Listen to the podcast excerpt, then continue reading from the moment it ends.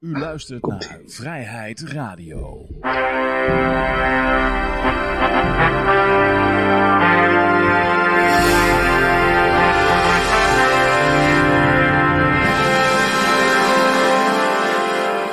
Ja, dames en heren, jongens en meisjes, dit is weer een nieuwe aflevering van Vrijheid Radio.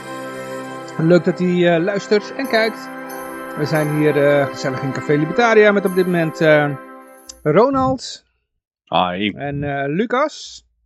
En als het goed is hebben we zo meteen ook nog eh, Dennis erbij. Mijn naam is Johan.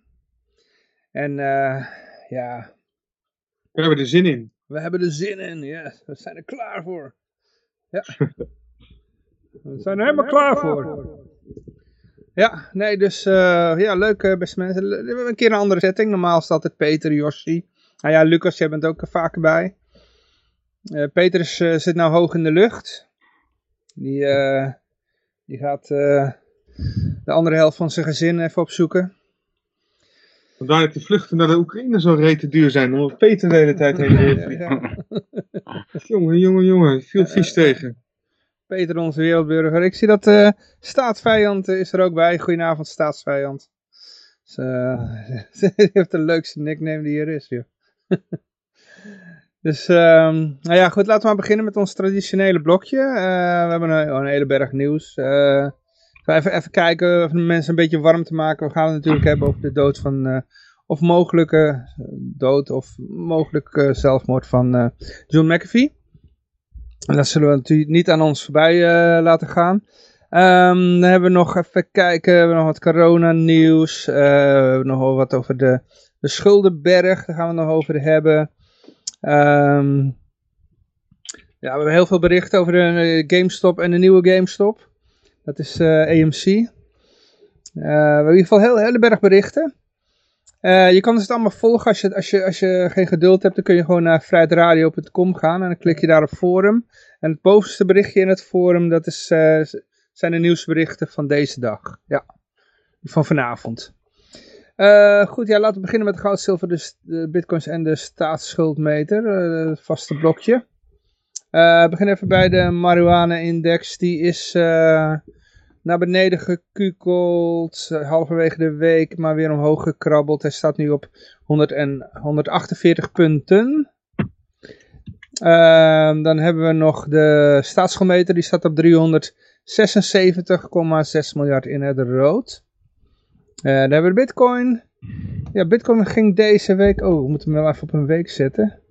Oh, even kijken hoor. Hallo, hallo, hallo, hallo, hallo. Eén week, ja. Eh, deze week ging die flink naar beneden. Hij ging echt naar de... Even kijken hoor. Hoe diep ging die joh? Ging wel heel diep. Hij ging er naar de 2400... eh even kijken hoor. 24.610 zie ik hier staan. Ja, nou la- laten we zeggen 24.500... eh nee, sa- zeg het weer fout. 24.500 eurotjes ging die, ja. Maar hij is nu weer omhoog aan het krabbelen. Hij staat al bijna op de 30.000 eh, eurotjes. Dus eh, wie op het dieptepunt had gekocht, die heeft nou toch weer lekker wat winst gemaakt. Ja. En hoe doet de olie en de goud het? Zilver eventueel.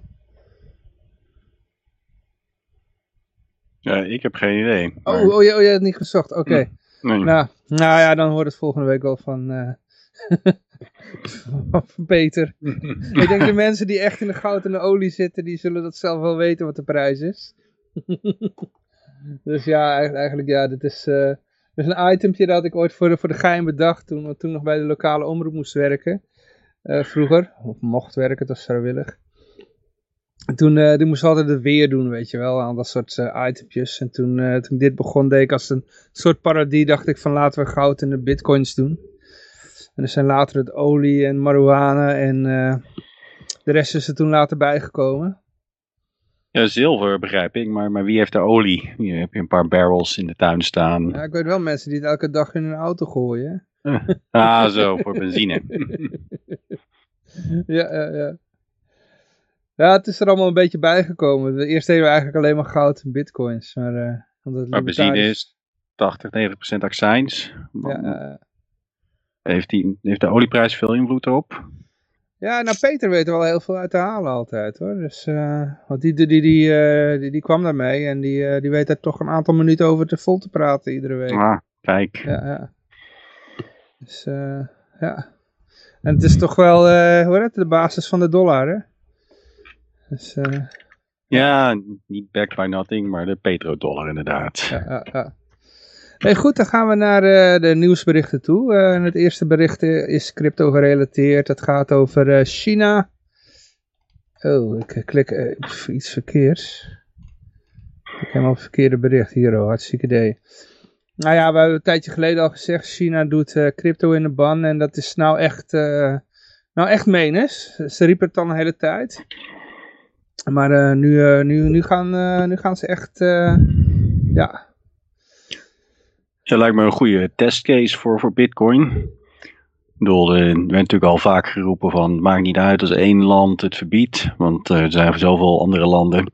Ja, En als het waarde heeft, dan, dan zal het daar eh, in die andere landen aanslaan.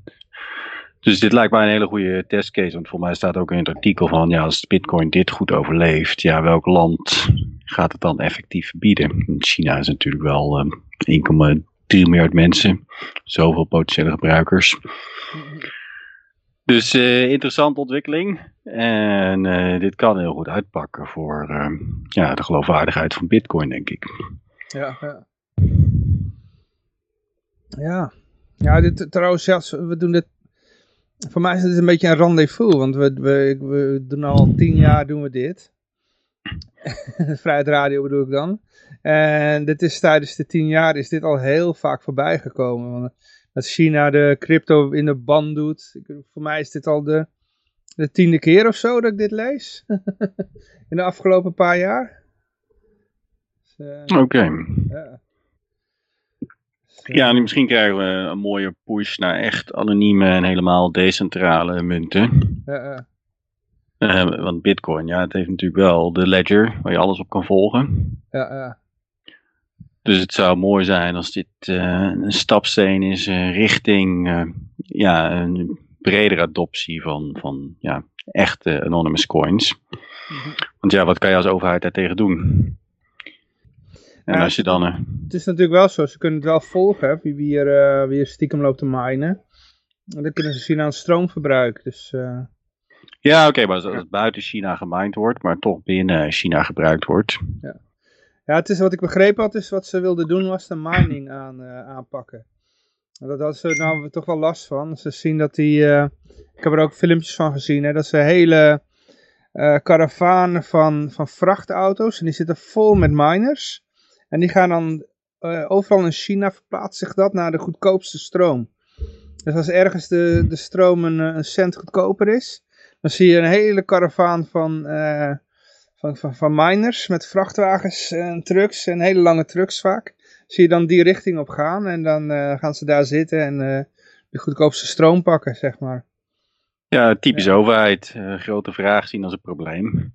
Ja, ja, ja. ja. Zeker.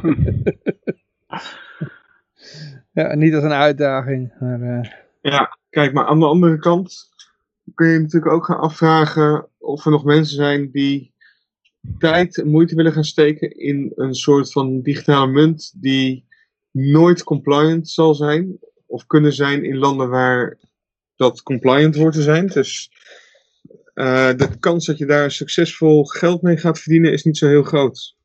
Nee, ja, nee. voor criminelen misschien, maar uh, dat je daar wat dienst aan kan verlenen, is vaak ook niet onverdienstelijk, maar niet serieus op de markt, op consumentenmarkt. Gaat gewoon niet gebeuren.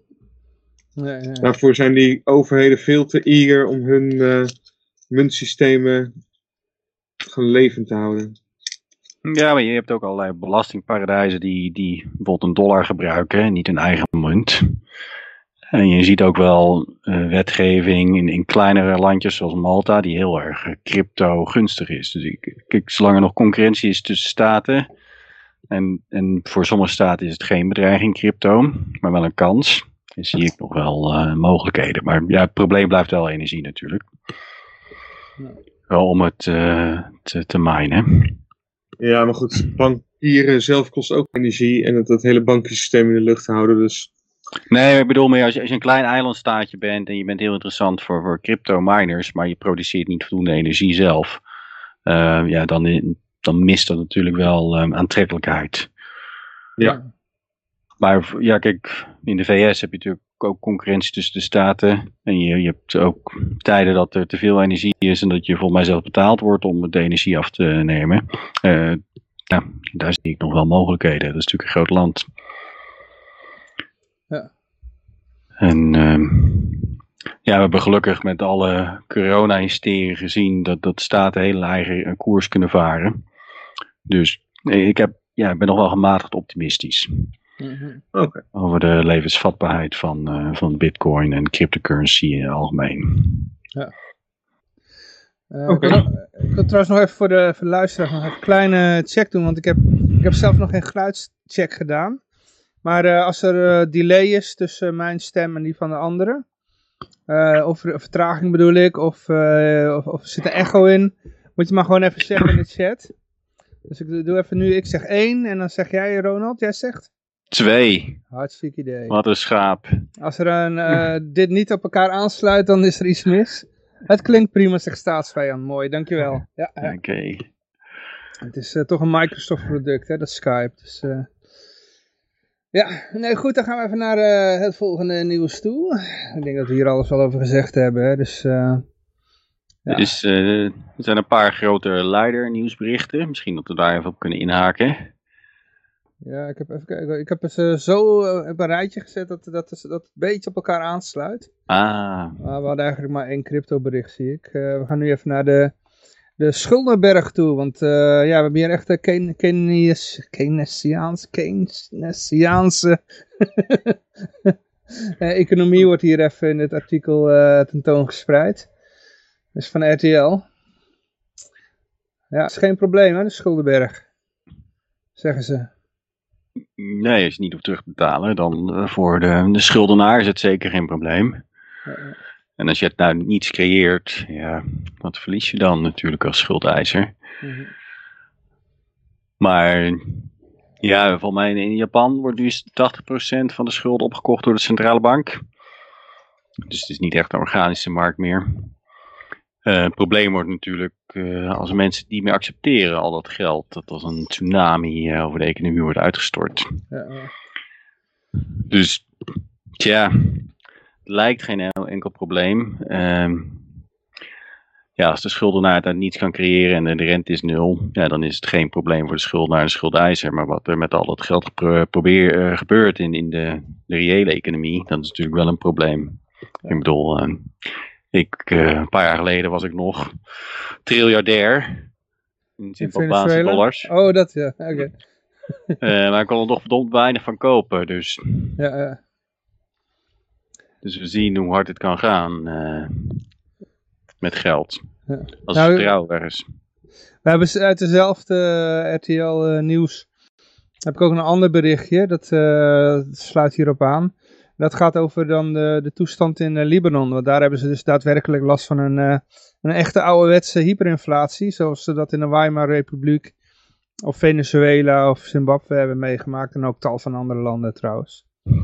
Dus uh, kopje koffie was eerst nog 3 euro op een terras een paar jaar geleden. En nu is het alweer, wat zal het zijn, 30 euro of zo?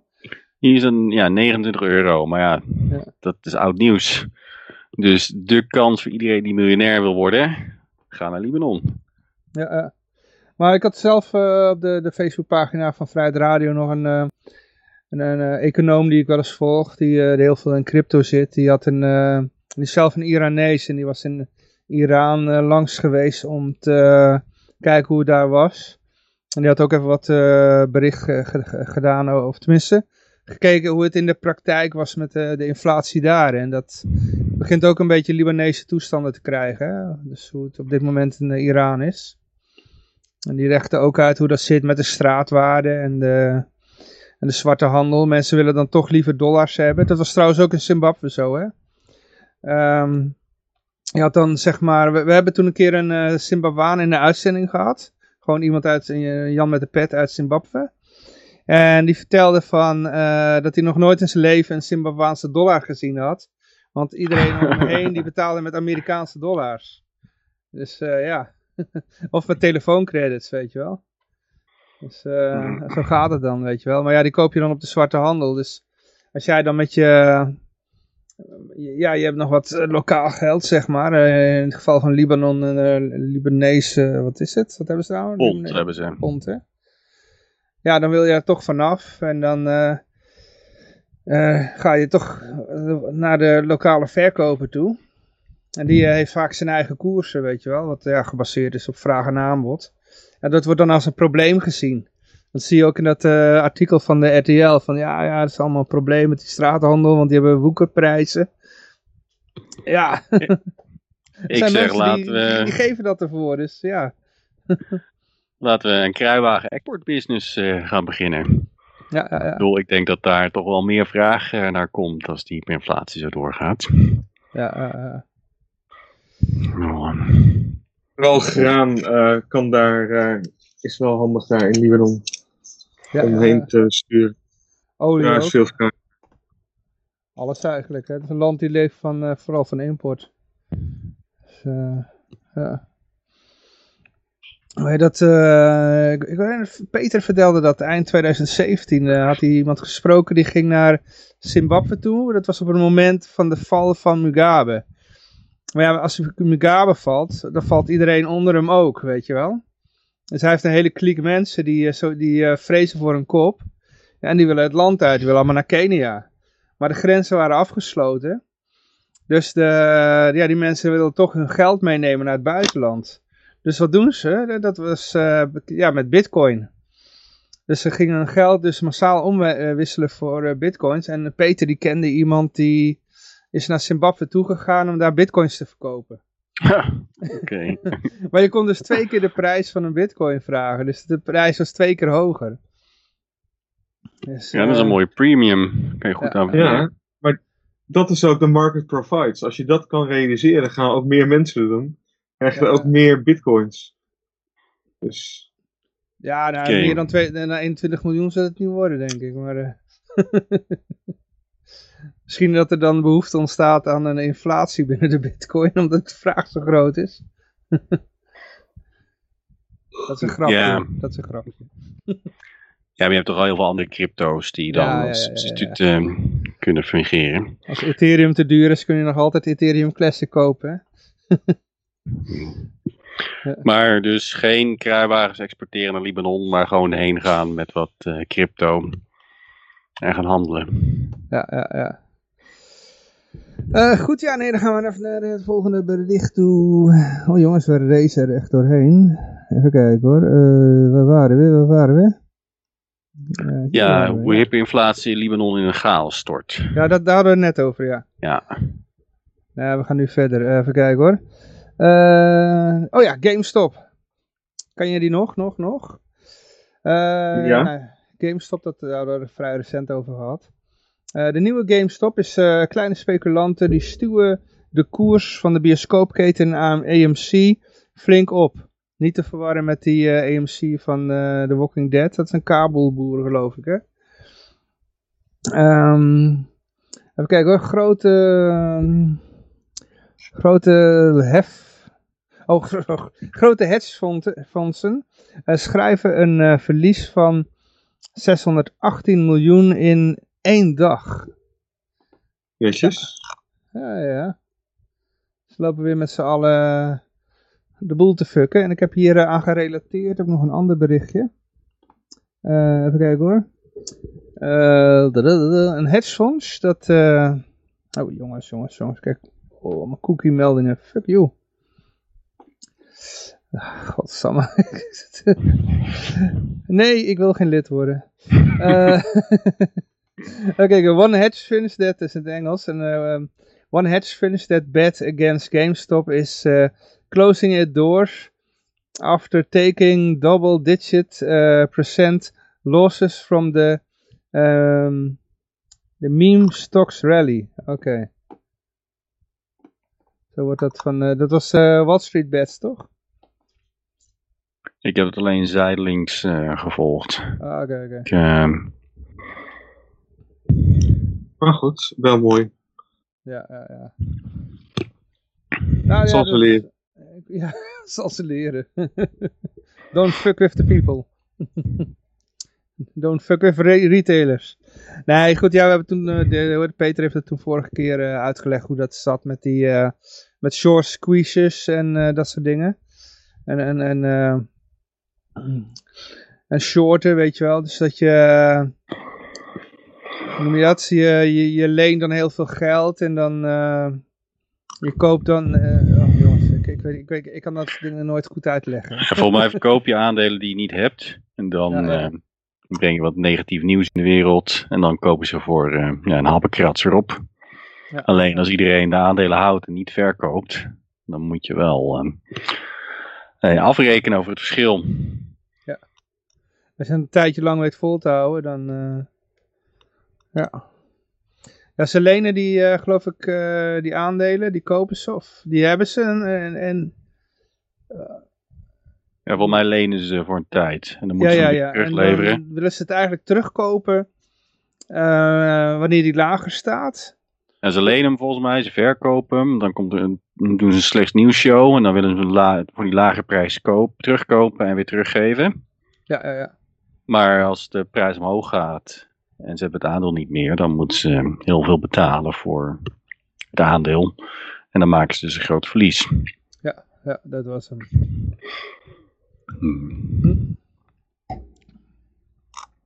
Ja, het is wel, uh, wel grappig, hè? De...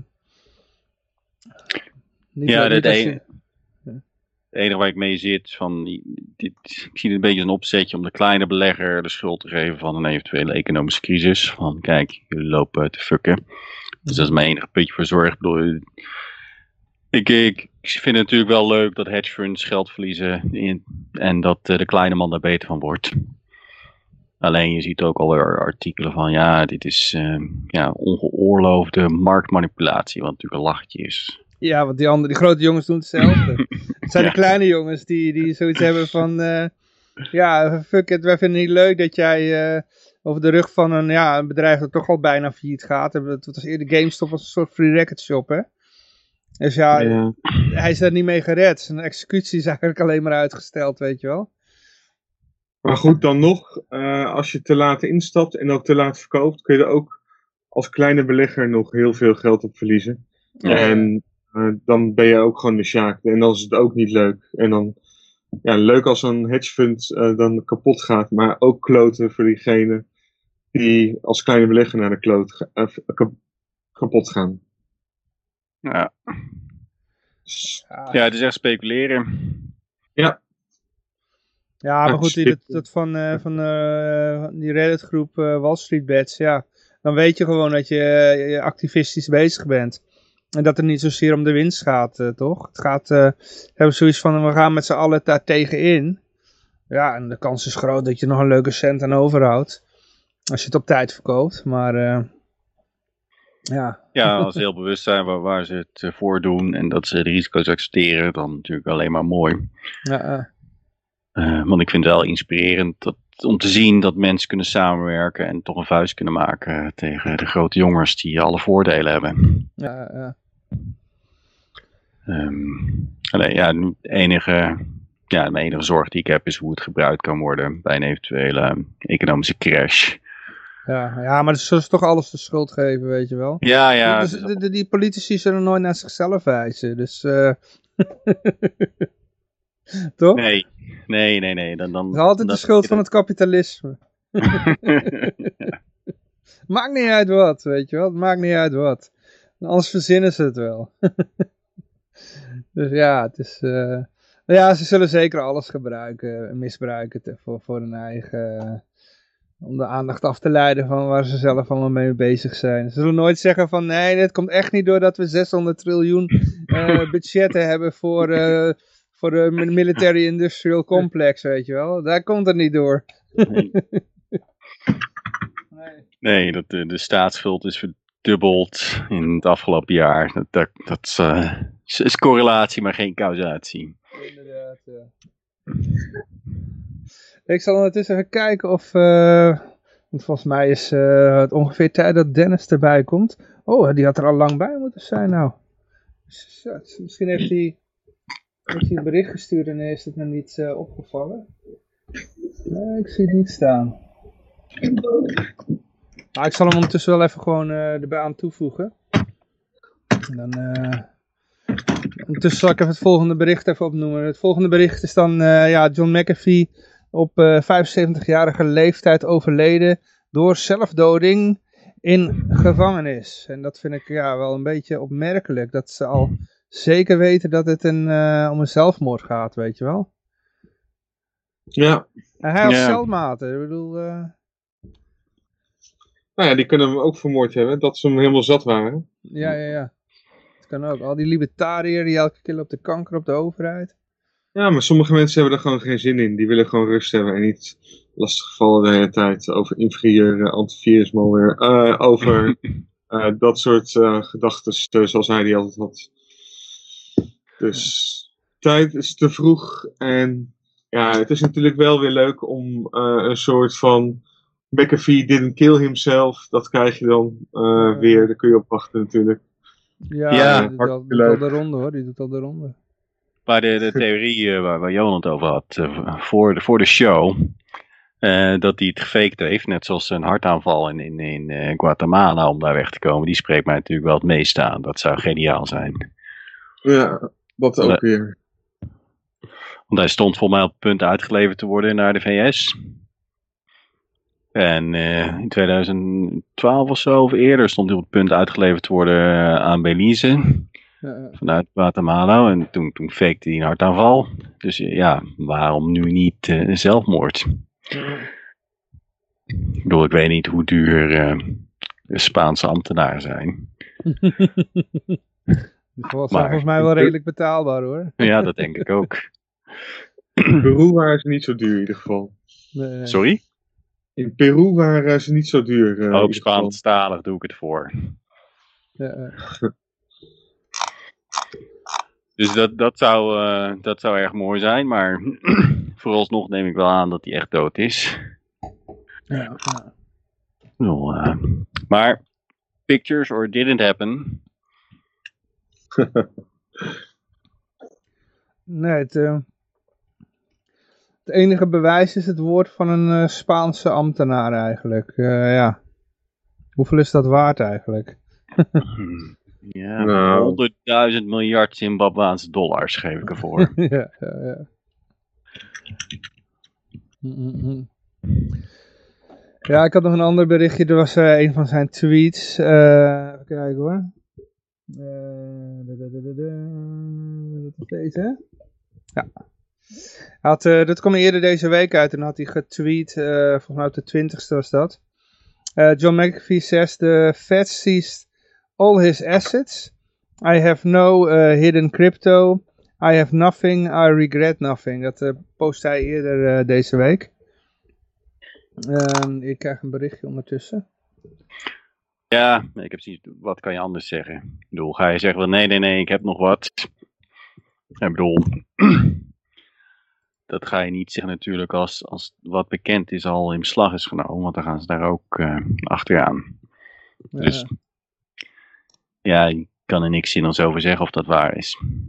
En dat, ja, ik, ik acht het onwaarschijnlijk dat uh, hij niet wat potjes had gezien zijn verleden.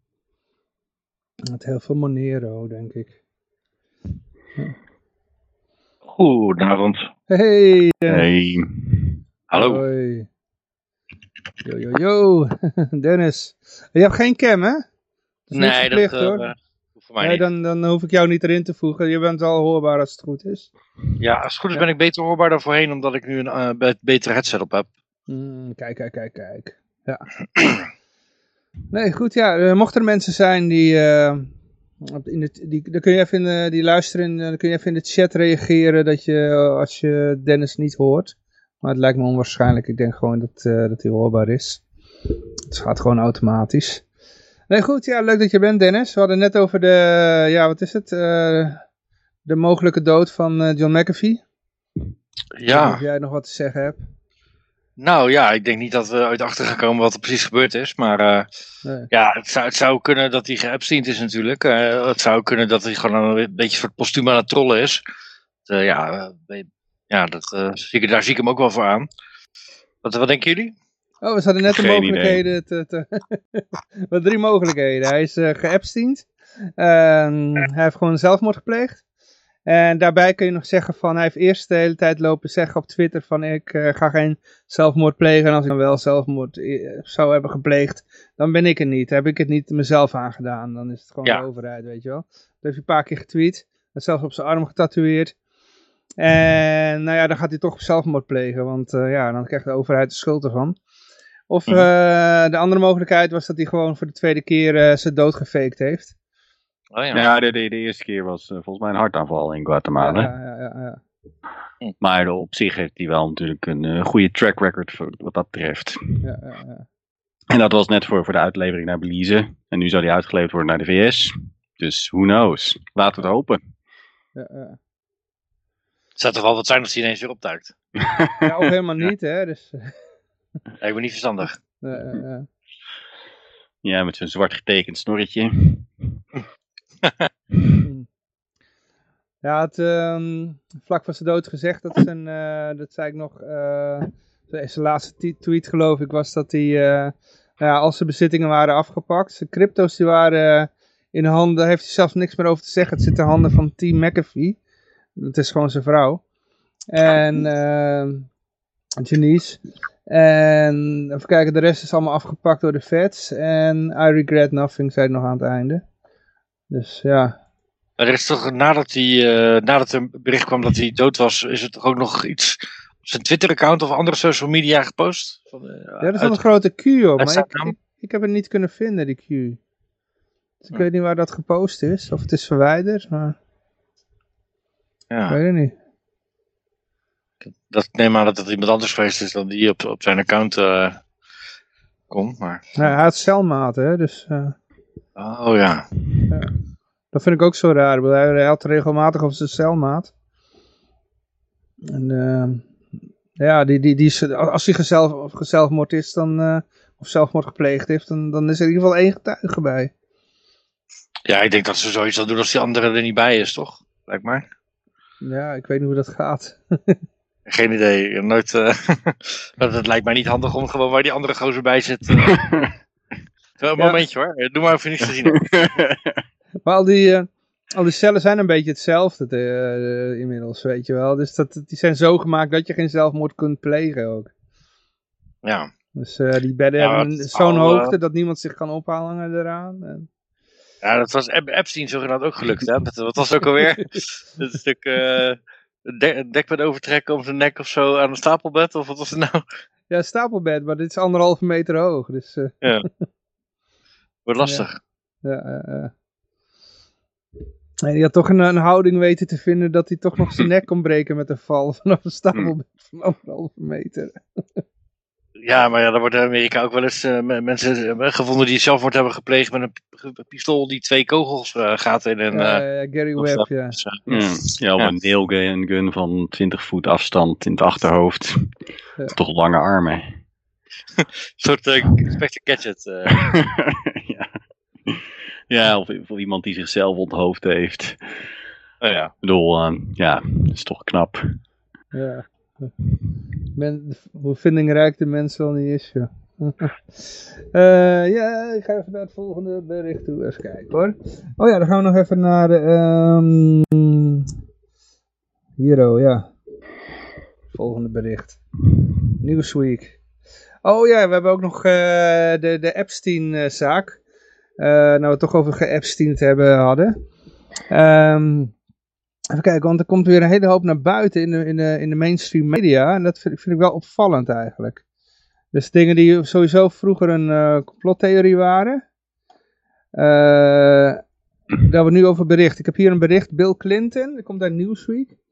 Bill Clinton, bigger Epstein scam uh, then Prince Andrew, says Royal Author. In de andere Channel 4, die is ook heel diep ingegaan over de, over de, de kindersmokkel naar, ehm, naar zeg maar, Prins Andrew toe, zeg maar. Voor, die hebben toen ook allemaal politieagenten geïnterviewd. Of om, om opheldering gevraagd van, waarom wordt hier nooit een zaak van gemaakt? Dus er is echt aantoonbaar bewijs dat er gewoon kinderen naar Engeland zijn gevlogen. Zodat uh, Andrew daar gebruik van kon maken. En het is op Engelse bodem gebeurd en de Engelse politie doet niks. Weet je wel? Hé, hey, doe me denken aan Demming. Ja, ja, ja. Wat ik niet, niet helemaal begrijp is, ik bedoel, ik weet wel dat die, die Britse, uh, dat, uh, zijn niet de knapste over het algemeen, maar je zal toch wel ergens een, een paar, een paar, paar kinderen kunnen vinden die in je eigen land, dat je die niet van, van over de oceaan moet gaan halen. Ja. Dat is toch wel erg onpraktisch allemaal. een verhoogd risico ja. dat je gepakt wordt, of ben ik nou gek? Dit is gewoon een service, Epstein verleed een service. Hij wil die kinderen met die kinderen kunnen doen. Dus Epstein zorgt dan ook voor dat als die dat de kinderen hun mond houden. Die worden of betaald of, of ze verdwijnen gewoon als ze hun mond open doen. Hmm. Dus uh, ja, zo gaat dat. Het is gewoon een, een bepaalde dienstverlening. Dus ja. Heel erg creepy. Zeg je? Heel erg creepy. Dat is echt... Uh... Ja, het is een creepy wereld, maar die bestaat. Ja. Dus, uh... Maar ik vind het wel uh, apart dat het, uh, het was vroeger altijd, uh, was je een complotgekkie als je het al überhaupt over Epstein had. En het begint toch mainstream media te worden, weet je wel. Ja, er is toch een meisje ook die verklaard heeft dat ze door die prins, hoe heet hij, prins Andrew, ja. ze, ze seks met hem gehad heeft als ze minderjarig was. Ja, ja, ja, ja Virginia, van, ja. Virginia Roberts. Virginia Roberts, ja. Ja.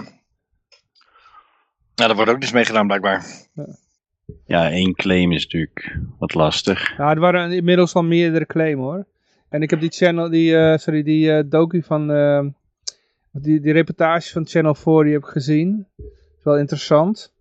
En er, worden, er zijn meerdere meisjes en daar worden ook allemaal juristen gesproken. En die zeggen ook, ja, eigenlijk heel raar dat de politie hier niks mee doet, weet je gaat het op zijn minst onderzoeken, lijkt mij. Ja, zelfs dat weigeren ze, hè. Maar het is natuurlijk ook zo met dit soort verhalen dat als er één iemand zo in de media komt met zoiets, heb je altijd mensen die, die graag aandacht willen en die gaan dan roepen van, hé ja, dat is bij mij ook gebeurd. Mm -hmm. Dus ja, dat kan natuurlijk ook nog dat er gewoon een soort uh, nep verhalen bij zitten, maar je, je zou er op zijn minst naar moeten kijken, lijkt mij. Ja, uh. Ja met de high-ups zijn dit. Dus dat... Uh... Ja, dat is het denk ik gewoon. Lijkt me, ja. Too big to jail, zo gezegd. ja, too big to jail. ja, ja. Ja, dat is wel vrij lang geleden ook, uh, volgens mij, hè, die beschuldigingen. Ja, ja, ja, ja, maar toch, het is gebeurd en het is al heel lang geleden hebben ze het aangekaart bij de politie. En er is gewoon ja, niks mee gebeurd, dus uh, ze, ze, weigerden gewoon. Nou, in eerste instantie zeiden ze van ja, het is een Amerikaanse zaak, dus uh, het ligt bij de FBI, laat die er maar naar kijken. Maar ja, die gaan niks doen maar, om, aan iets waar, waar ja, en prins Andrew, ja, dat is geen Amerikaan, dus ja, daar gaan we ook, die gaan we ook niet vervolgen, weet je wel. Nou, dat is toch niet helemaal. Ze hebben toen toch ook die gasten van de FIFA allemaal uh, op, aangepakt. Ja. De, dat waren ook geen Amerikanen. Ze scheidt aan in Amerika volgens mij hoor. En Assange, is dat een Amerikaan? Nee, het is Australiër. Ja, ja het, het lukt je prima mensen vervolgen. Ja, maar ja, Prins Andrew niet. Prins Andrew nee, niet. nee. Misschien moet uh, Assange zich ook maar identificeren als Prins Andrew. Ja, dat ja, helpt. Ja. Ja. Nee, maar ik vind het ook wel opvallend. Nou, nou ja, dit is dan het eerste bericht waar dan de naam Clinton uh, in de mainstream media de naam Clinton in geband wordt gebracht met Epstein. Maar eerst zou je dat ook niet denken van Bill Gates, weet je wel. Maar ja, dat is toch gebeurd, weet je wel. En nou wordt ook uh, Clinton voor de, voor de bus gegooid. Uh, zelf heb ik het vermoeden dat de DNC ook wel van Clinton af wil, hoor. Van de Clintons. Ja, dat vind ik niet zo gek. Ja, dat, dat, dat stinkt toch te veel. Dus, eh... Ja, ja maar, maar, maar, nu heb je nog leverage. En als je ze voor de bus gooit, uh, ja, dan moeten ze gearkenside worden. Ja, ik, ik, denk dat de, de, de schandalen rond de Clintons zijn zo groot, dat kun je gewoon niet meer in de doofpot houden, weet je wel. Dus, uh... Ja, wat met, met die foundation allemaal is gebeurd. En ik heb ook wel eens gehoord dat ze in Haiti, uh, dat, volgens mij kunnen ze daar niet eens naartoe, want dan worden ze gelincht. Ja, ja, ja. Dus, maar ja, ze hebben de, de Clintons, of de familie dan van uh, Rotham, geloof ik. Die hebben een aantal mijnen daar, hè, in, in Haiti, nog oh. steeds. Dus, uh, ja. Dus, uh, ja. Ik denk dat die weldra voor de bus gegooid gaan worden. Ja, is dat geen fake nieuws dan? Nee, ja, nu nog wel, maar... Nou, de laatste keer dat ik beelden heb gezien van die Bill Clinton, zag hij eruit alsof hij al dood was. Dus ik weet niet of hij überhaupt nog uh, rondloopt. Ja, ja, ja. Ja. Dat Ja, hij zichzelf maar- niet eh vakant maakt, joh, met zo'n vrouw. Hè? Ja, ja, ja. maar nou is de volgende is geen bericht eigenlijk, maar eh, we- nou we het hier toch over hebben. Kijk, hoe, eh, hoe gaat zo'n man als Bill Gates om met het feit dat hij negatieve nieuws eh, wordt gebracht? Dat hij, eh, hoe noem je dat? En volgens mij is zijn bijnaam de stofzuiger, dus ik neem aan gewoon wat extra kook snuiven. Dat is goed voor je zelfvertrouwen. Ja, ja. Nee, ik heb hier een linkje, moet je maar even op klinken, eh, klikken. Als je dan eh Books en Bill Gates eh, intypt, wat je dan krijgt. Oké. Lees maar even voor als je wil. Ja, hoe gaat Bill Gates om met eh, vijf books Bill Gates recommends voor je summer reading? Ja. Dus kijken wat voor moois hebben we. Ah, die hoeft er niet op te klikken, maar gewoon als je dit doorheen scrolt, je ziet alleen maar dat hij boeken aanprijst. Dus dat is hoe hij dit verwerkt, weet je wel, zijn eh, Ah. negatieve PR. ik ga gewoon boeken aanprijzen. Oké. ik vond het wel opvallend. Dat is allemaal van nu, hè, van deze week. Ja, ik weet niet, op mij overtuigt het niet. Nee, wij ook niet, maar toch.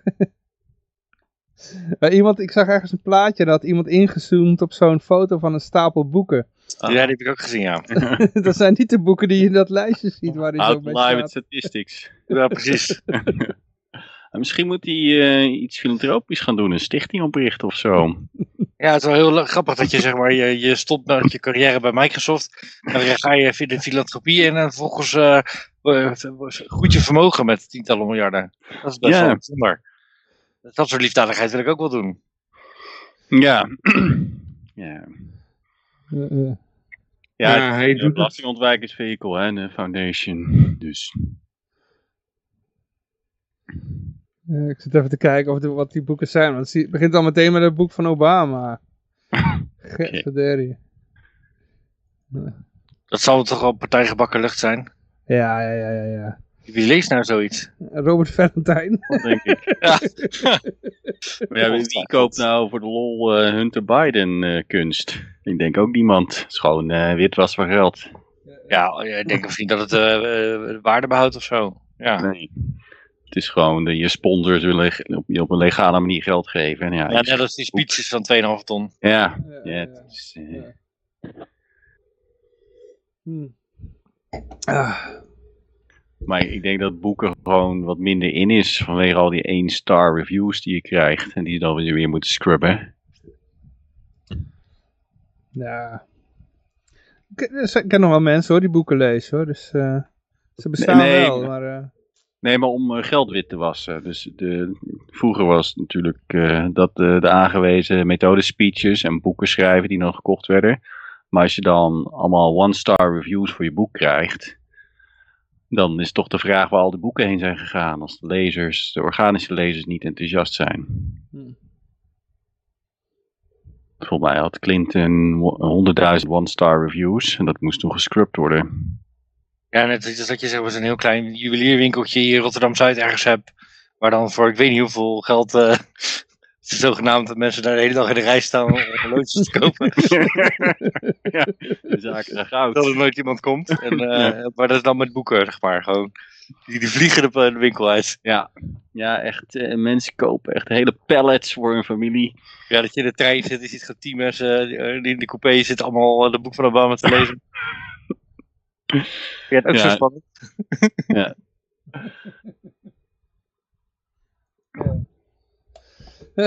Goed, ja, eh, even kijken. ehm. ja, dan gaan we even naar eh Jurjen Komings toe. Die heeft ook zelfmoord gepleegd, of is gezelfmoord. Dat, dat- Maar wel foto's. Ja, er zijn wel fi- filmbeelden van. Hm. En niet dat hij het gedaan heeft hoor, maar het, eh, het lijk. Dood is. Ja, ja. Ik vind dat wel een heel opvallend bericht hoor. Ja, het is eh, een man die getraind is om eh, alleen te zijn in de wildernis, weet je wel. En die dan eh, op dat moment helemaal niet meer levensgevaarlijke ziet jungle van. België. ja, inderdaad. De levensgevaarlijke jungle van België. De Ardennen. Ja, shit, ik ben echt getraind voor de jungle in Azië. En ja, nee, nee, dit... eh, Help konijn. Ja, het gevoel uh, bekroopt mij ook dat, dat uh, ze dit zo schokkend vinden. Is meer van, hé, hey, we hebben hem omgelegd en we laten hem vinden. En dan doen we alsof het zelfmoord is. Maar nu met beelden uh, kunnen we daar misschien niet mee wegkomen. ja. Dat, dat idee kreeg ik erbij.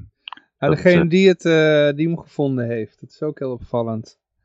Burgemeester, hè? Een burgemeester, ja. Dat is, Oh. eh, die fietste toevallig voorbij. En die rook een lijkenlucht. Hmm. Dus, eh, en dat wi- wist hij omdat hij als burgemeester is hij wel eens op een begraafplaats geweest. En eh, die verbouwd werd. En toen heeft hij ook een lijkenlucht geroken. Ah, Dus ja, daarom wist hij wat een, eh, een, een lijkenlucht is. Nou, ik weet, Ja, ja. ik weet zelf, ik heb wel eens verrot vlees geroken. Dus ik kan me wel een, een beeld bij maken hoor. Dus Eh, Dat zou zo toch raar opkijken als ik met iemand door het bos loop en die zegt tegen mij: hey, ruikt hij naar lijken? Is zo wat? Nou, als je iets heel penetrants ruikt, dan weet je dat dat, eh, dat naar verrot vlees lu- ruikt. Dan weet je, nou ja, dat is een, eh, een lijkenlucht. Wat ik opvallend vond is dat ik eh, las dat eh, ehm, zijn vriendin van die, hoe heet die, Jurjen, Jurgen, Jurgen, die, eh, die, die had een soort rouwadvertentie of zo op Facebook gezet. Mhm. Of een, een bovenleidersbericht en dat was verwijderd. En Ja. eh, omdat, ehm, ja, eh, er stond er in dat nieuwsbericht iets over dat het iets te maken had met terrorismeverheerlijking of zo. Toen dacht ik, ja, terrorisme? Hij heeft iemand bedreigd, maar eh, is iedereen die iemand bedreigt nou ineens een terrorist geworden? Of, of wat is dit Ja. nou even? Eh, dat is eh, nogal een aanduiding. Ja, ja. Terwijl hij, heeft niks, hij heeft niks illegaals gedaan hoor. Nou, hij heeft toch die, die, die gozer bedreigd? Niet? Nou, niet persoonlijk, niet direct. Hij heeft een Oh, brief geschreven en die brief die heeft hij eh, iemand anders, eh, had een brief aan iemand anders geschreven en daarin zou hij bedreigingen hebben gemaakt. Maar hij heeft het niet publiekelijk gedaan. Hij heeft niet direct naar, eh, hoe heet dat, hoe heet hij nou, Ranst? Van Ranst. Ja. Hij heeft niet die man direct bedreigd.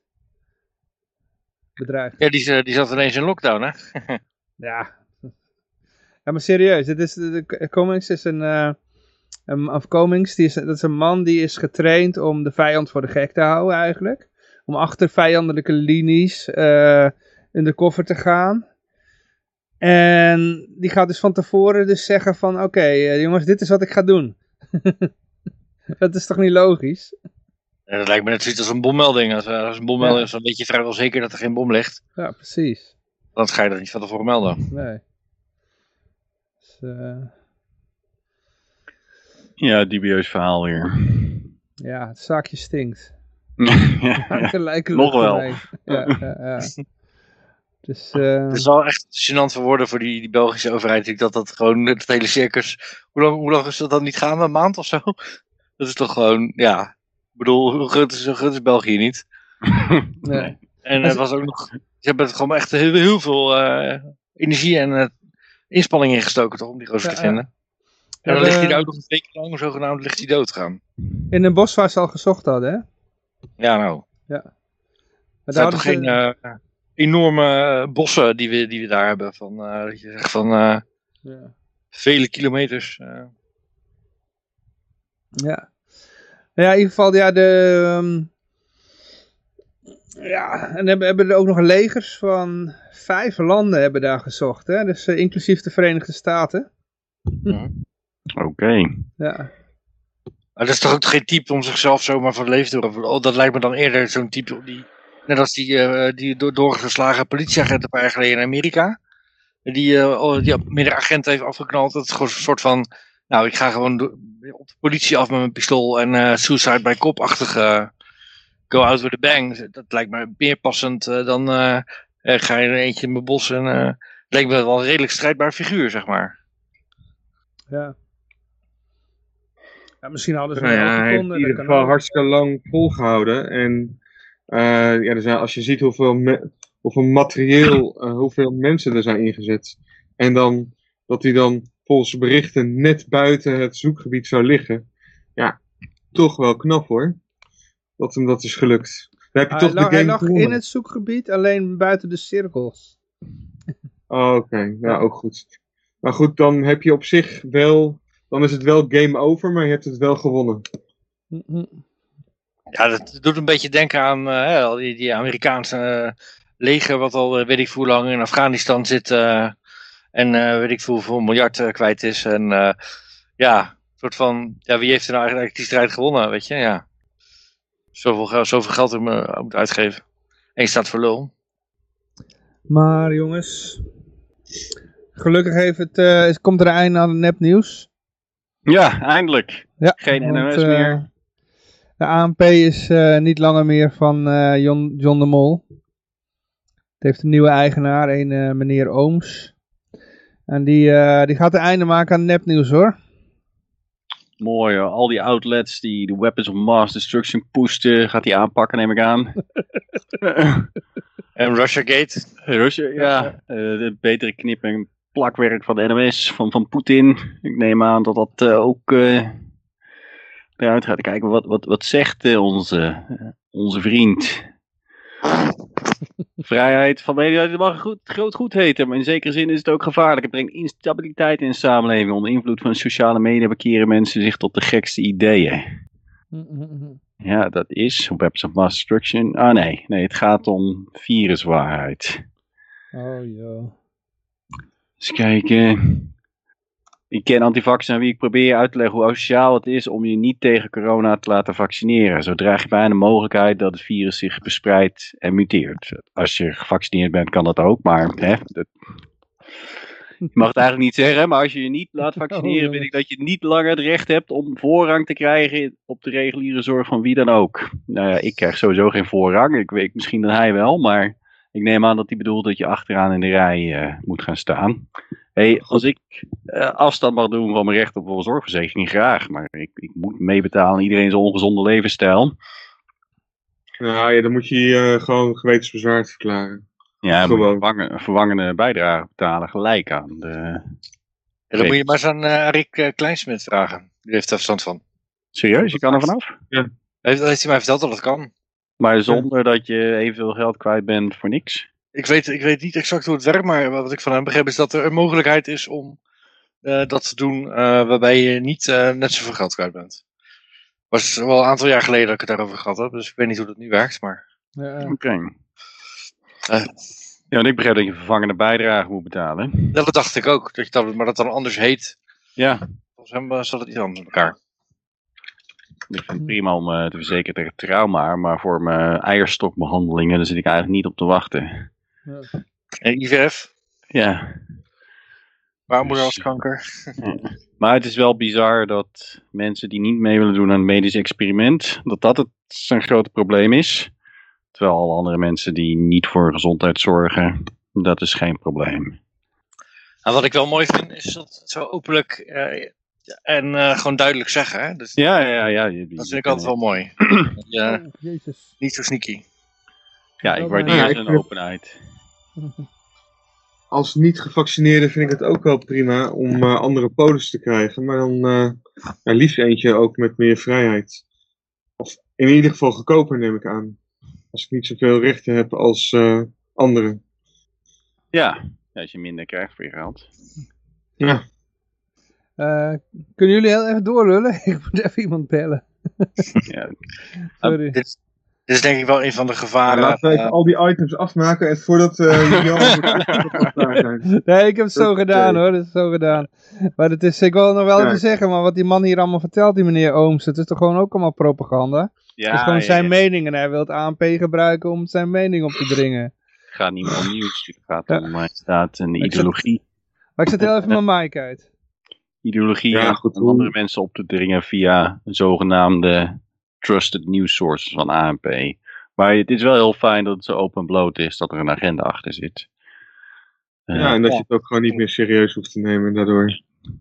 Nee, ik bedoel, dat betekent nog steeds wel dat ANP-berichten waar kunnen zijn. Maar ik denk wel dat we dan de discussie moeten openen dat er een agenda achter zit. Dus dat, dat er misschien wat informatie mist.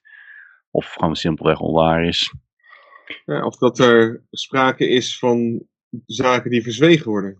Ja, Dat er meer verzwijgennieuws is.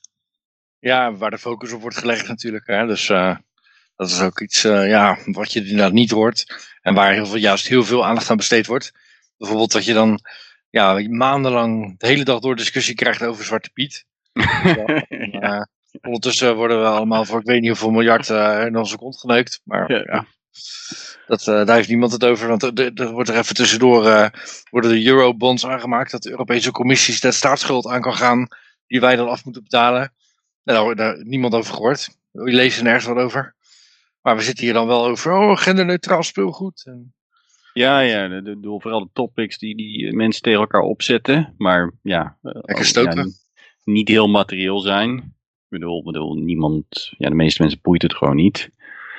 Ik bedoel, je, wordt er niet arm of rijker van, je gaat er niet eerder dood van, het raakt je pensioen, allemaal niet, al die onderwerpen. Eh, maar daar mogen we ons heel erg druk over maken. Maar de, de meer wezenlijke dingen die heel veel mensen raken, of gewoon heel ingrijpende dingen, zoals mensen vermoorden met bommen erop gooien, dat, ja, dat mag niet echt besproken worden. Nee, dat zag je ook met Trump, hè, dat al, maar alle echte erge dingen die de Amerikaanse overheid doet, daarvoor al en onder Trump nog steeds, daar, daar klaagden mensen niet over, maar dat Nee, we dat, hebben een foute tweet gestuurd, nou dan eh was Ja. de wereld te klein. En er zijn heel veel mensen die vinden Trump veel erger dan Obama en Bush. eh, Van, ja, maar als je dan vraagt waarom, dan krijg je van die vage antwoorden van, eh, ja, You said he grabbed him by the pussy. ja, Like, nou, ja. nou. En eh, vervolgens gooit hij honderdduizend bommen, maar dat dat is een non-issue. Nee, blijkbaar niet. Vinden mensen dat niet interessant? En het is meestal de media die eh, mensen vooral tegen elkaar opzet door eh, dingen, bepaalde dingen uit te verlichten en eh, uit te vergroten en andere dingen niet. Ja, zo krijg je dus dat mensen memes gaan delen van het tijdens toen, toen over Obama van scandal-free administration. Wat ze dan bedoelen is ja, dat hij niet vreemd gegaan is of dat soort onzin. Nou, ik Ja. vind, dat, ik twee, la- meerdere landen helemaal kapot maken, vind ik toch best wel ook een redelijk schandaal, maar goed. Ja, ja, ja, misschien is het heel de prestatie hoor, dat er weer slavenmarkten in, in Libië zijn, maar ik weet niet. Als, als eh, half zwart, half blank eh, persoon zou, zou dat toch wel een smet op, op je legacy zijn. Maar hij heeft de Vredesprijs gewonnen, dus eh, het, het zou wel iets goeds hebben gedaan. Ja, ik heb begrepen dat eh, Obama daarvan zelf heeft gezegd over Libië dat dat eh, de grootste fout eh, van zijn eh, presidentschap was. En het is wel algemeen bekend dat, dat eh, Hillary Clinton dat heel erg gepusht heeft. Eh, ja, En het schijnt ook vanuit Europa dat er, eh, van, vanuit Frankrijk, dat er, eh, ja. wat er nou precies achter zat, dat eh, zullen ook wel ja, met het- gouden dienaar, eh, tenminste, dat die de olie, de gouden dienaar wilde hij invoeren volgens mij. Ah, de ja. olie wilde hij alleen nog vanuit, met, met euro's doen. Dat, waren, eh, dat werd hier wel aangegeven dat wat issues waren. Nou ja, dan, eh, dan moet je zeker een stok in je reet krijgen dat je dood bent. Ja, ja. Eh, dat soort straffen, die zou ook prima kunnen worden opgelegd door die Filipijnse president. Ja, Die eh, wil of vaccineren of gevangenisstraf. ja, of wat ik wel interessant vond, eh, ivermectin. Dus hij onderkent wel dat eh, er alternatieve behandelmethoden zijn. eh. Hm. Ja. Hoewel eh, ik een dosis voor varken misschien wat te veel van het goede vind. Maar ja, grote leiders met een goede ideeën. Laat lekker het mensen het zelf doen. Maar die Duterte is er nou wel een heel eng mannetje ook, hè? Die eh Ja, ja. Spijnse, eh, Ja, want eh, verder in het bericht eh, zegt hij ook volgens mij van hey, ehm, er waren wat klachten dat hij een paar duizend mensen, eh, een paar duizend mensen waren vermoord door de politie in de war drugs. En de, de International eh, Court had daar wat problemen mee, International Criminal Court. En eh, hij zei, ja, why would I defend or face an accusation before white people? You must be crazy. Hmm. Dus eh, hij, hij, kan, hij kan lekker uit de hoek komen. Hij neemt geen blad voor de mond. Eh, helaas ehm, ja, doet het niet af van al het leed dat daaruit volgt. Maar de e- enige lichtpuntje uit dit, dit bericht vond ik ja, dat, dat, eh, dat die ivermectin als eh goede, goed alternatief ziet boven vaccinatie. Ja. Eh, Helaas is dat in, in de westerse mainstream media nog niet echt doorgedrongen. Dat er meer is dan alleen vaccineren. Als je het al zo mag noemen natuurlijk. Want het is gewoon één groot medisch experiment. Bedoel, je kan het nog steeds krijgen. Je gaat er kan nog steeds dood van gaan. Ik bedoel, wat is nou helemaal de data dat het eh, een materieel effect heeft? eh? ja, ik heb ja, zelf corona gehad. dus- wordt, toch? Wat zeg je? Het is alleen dat je er minder ziek van wordt. Maar als je er nog dood van kan gaan, dan, dan vraag ik me af. Bedoel, hoe bedoel, wat bedoel je dan met minder ziek worden? Minder ernstige symptomen en min- min- minder kans op eh, er- ernstige, nog ernstigere symptomen en de dood, toch? Dacht ik. Dat is Ja, maar- dit- in ieder geval. Ik Maar niet er, zijn, klopt, ja, maar er zijn mensen met het vaccin zijn dood gegaan. In Engeland zijn er voor mij nu tot nu toe zes keer zoveel mensen met vaccin dood gegaan dan zonder vaccin. Oké, ja, dat... eh, Ja. En één daarvan had dan nog niet die tweede shot gehad, maar eh, ja, dit- als je nog steeds dood kan gaan. Zelfs Ja, Prins ik bedoel, Philip, dat- hè? als die kans veel kleiner is. Ik bedoel, als, als ik een kans heb, bij wijze van spreken, van 1 op 1000 en het kan naar 1 op een miljoen, dan is dat dan wel een verschil. Dan kan je wel zeggen, ja, je kan er nog dood gaan. Ik weet niet, ik, noem, ik zeg maar even random cijfers nu te noemen, maar dat is natuurlijk niet het enige. Je kan Nee, er wel nee, nee. niet dood aan Maar-. Dus een kwa- kwestie van kansberekening en, en ook ernstig ziek worden en eh, andere dingen moet je meewegen. Ja, ja zeker, maar, maar wat weten we er nu over? Ik bedoel, ehm, Het zijn wel vrij kleine aantallen waar ze het op hebben getest. Volgens mij. Ja, en we hebben nieuwe mutant, eh, mutanten, want dat was het probleem. Ze waren doodgegaan aan nieuwe vari- varianten. Dus het is dan wel fijn dat je aan de originele variant, dat het daar goed tegen helpt. Maar als je ja, iets als misschien anti, antibody dependent enhancement krijgt, dan kan de, de, de volgende variant kan juist schadelijker voor zijn. Daar is natuurlijk niet op getest, want die nieuwe varianten waren er nog niet. Dus eh, ja, iets interessante ontwikkeling. Sorry. Ja, jij was aan het praten, dus dan moet ik mijn mel houden. Ja, interessante ontwikkeling van, ehm, met, met eh, al die vaccinaties. Er wordt heel erg op gehamerd van laat je vaccineren, maar wat weten we nou echt van hoe nuttig het is eh, voor al die nieuwe varianten? En misschien is, heeft het wel een averechts effect als je gevaccineerd bent voor een nieuwe variant. Wat, wat bijvoorbeeld met dengue, als je het voor de tweede keer krijgt, kan dat veel dodelijker zijn, juist omdat je antibodies hebt. En die het eh, ja, eigenlijk erger maken. Ja, ik had daar vandaag een eh, discussie met mijn leidinggevende over. Die was nogal verbaasd dat ik me nog niet had gevaccineerd en ook niet van plan was dat te gaan doen. En die eh, zei ook inderdaad van, ja, dat, dat als je de berekeningen doet, dat het dan logisch is dat je dan laat vaccineren. Ik zeg van, ik heb sowieso niet de berekeningen gedaan. Maar eh, ja, hij neemt gewoon blind over wat er in de media over gezegd wordt. Terwijl inderdaad eh, het, het op natuurlijke wijze krijgen en dan daar dan weerstand eh, voor of tegen krijgen. Dat, dat wordt ook helemaal niet genoemd in het nieuws, dus dat komt ook helemaal niet bij hem op. En de Delta-variant, die dan de dodelijke veel Delta-variant, die ook toevallig bij collega's in India best wel eh, hard is toegeslagen. Maar dat zijn hele andere situaties. eh, met thuis, met klein, kleine huizen, veel mensen in huis. Niet altijd even hygiënisch. Ja, dan, dan, is dat, dan zijn er gewoon meer mensen die besmet raken en ook doodgaan. En er zijn, wonen gewoon gruwelijk veel mensen. Maar je ziet niet dat nu ook de Delta-variant 60% eh, dominant is. Maar dat de aantallen zo laag zijn dat het eigenlijk gewoon ook helemaal niet boeit. Wat, wat ik heel raar vind is dat ze niet checken of je corona hebt gehad voordat je het vaccin krijgt. Want heel Ja, veel mensen hebben geen symptomen, dus de kans, zeg maar, ja, zeker als je jonger bent, dan is het best wel kans dat jij het al hebt gehad zonder dat je dat zelf weet. En eh, zelfs als je zegt van ik heb al symptomen gehad, en ik denk dat ik het gehad heb, maar ik weet niet zeker. Daar is een test voor volgens mij, eh, die antistoffentest. Maar dat doen ze niet, dan krijg je zomaar dat vaccin. Terwijl ik dan denk, ja, dan ga je toch eerst checken of je niet al immuun bent. Ja. En dan, als dat niet zo is, kan je eventueel een vaccin nemen. Maar dat, ja, dat Ja, vind ik heel normaal vreemd. va- vaccineren we geen mensen die al ziektes hebben gehad. Nee, Vaccineren ze of heel jong als ze hem nog niet hebben gehad. Maar als ze de ziekte al hebben gehad, dan worden ze volgens mij niet alsnog gevaccineerd. Nou ja, van de hockeyclub, of van, nou maakt ook niet uit. Van eh, iemand die, die er vlakbij woont, die heeft ook corona gehad. En eh, ook flink. En die, die is in de 50. Dus eh, eh, ja, die, en, en ook wat gezet. Dus die, dat was ook een risicogroepje.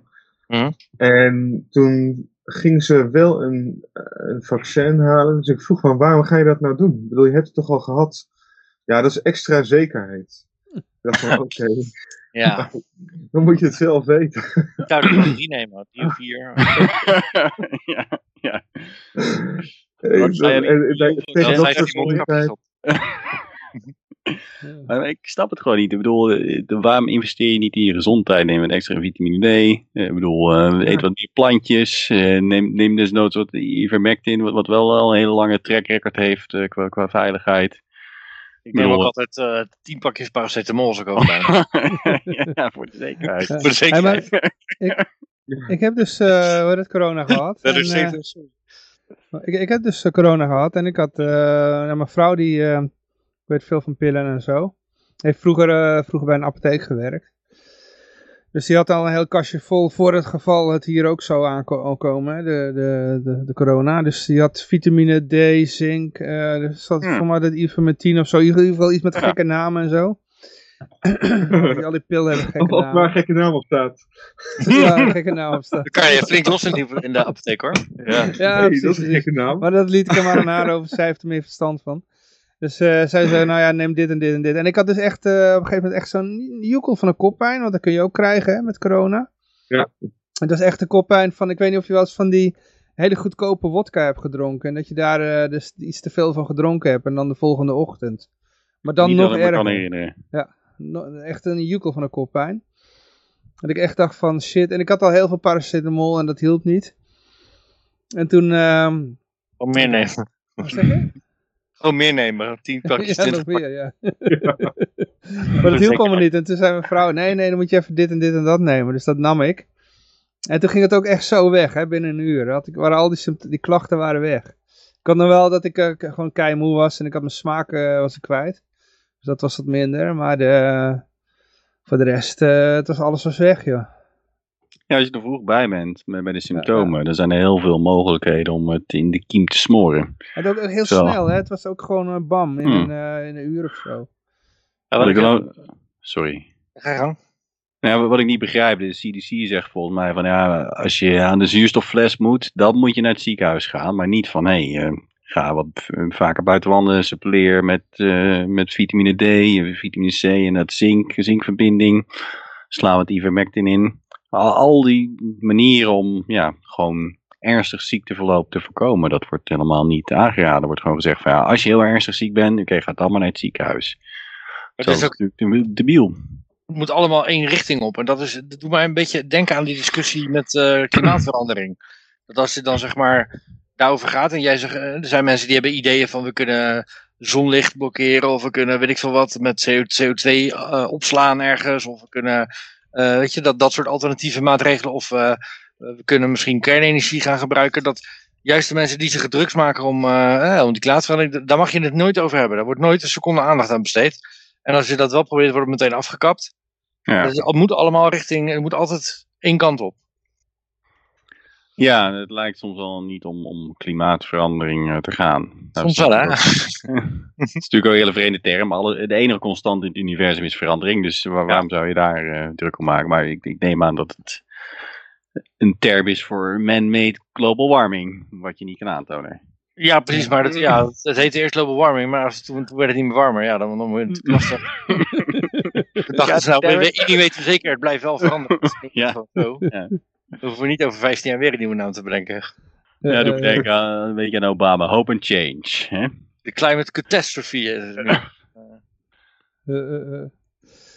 Maar eh, goed, ja, de, de, hele- hele- om nog even in de coronasfeer te blijven. ehm, hoe dat, er was ons beloofd dat je dan vrijheid zou hebben zodra je platgespoten was. Volgespoten was. Maar het eh, kabinet zegt nu, en waar is de fucking titel? Oh, die is er buiten zicht. Quarantaineplicht. Ja, quarantaineplicht. Als je op het artikel klikt, dan is er geen titel meer te zien. Ik heb quarantaineplicht voor reizigers uit gebied met zeer hoog risico verplicht thuis blijven. Ja, ja, ja. Nou, prima. De quarantaineplicht geldt ook als u gevaccineerd bent. Dan werk ik gewoon een weekje even naar het huis. Prima. Ja, maar dat was toch niet de bedoeling? De bedoeling was dat je gewoon weer vrij, dat je je vrijheid weer terug had. Dat is wat ons voorgehouden is. Dus, Ja, niet zo onbetrouwbaar als de overheid, zeg ik altijd maar. eh, ja, precies. dat precies. is weer een, eh, nou ja, blij dat ze recht doen aan de reputatie. En ik, ik merk ook dat naarmate zeg maar, er steeds meer mensen gevaccineerd zijn, eh, dat er steeds meer berichten komen van, in de trant van we moeten waarschijnlijk over na een jaar weer. En, eh, Ja, volgende is- bericht inderdaad. Dat werd vorig jaar niet gezegd, terwijl dat toen al ook voor werd gewaarschuwd van en wat minder mainstream uh, media van uh, joh, dat is, waarschijnlijk moet je dan iedere keer. Maar dat werd niet bijvoorbeeld gezegd van ja, we gaan het nu doen, waarschijnlijk moet je nog een keer. Er werd echt gedaan van nou, als je dat eenmaal gehad hebt, inderdaad, dan, nou, dan ben je sowieso helemaal safe en je mag weer alles. Ja, echt. En dan, als je het al gehad hebt, zeggen ze, uh, nou toch niet. Ja. Gewoon blijven pushen om de volgende stap te zetten. Oh, ik weet dat ik heb een foutje gedaan. De bericht dat ik bedoelde was... Um, even kijken. Maar dat hoorde hier ook bij hoor. Dat, is, dat valt onder hetzelfde eigenlijk. Uh, het kabinet houdt uh, rekening met, uh, op, op, met opvlamming corona... oh shit, zitten er dingen voor. coronavirus in de herfst. Ja. Dat wordt ja, natuurlijk lastig om die, uh, al die, die, uh, die, tegengestelde dingen steeds meer in balans te krijgen. Want je moet aan de ene kant moeten ze ons gaan wijsmaken dat dat vaccin super belangrijk en dat is echt dat is, dat is een geschenk uit de hemel.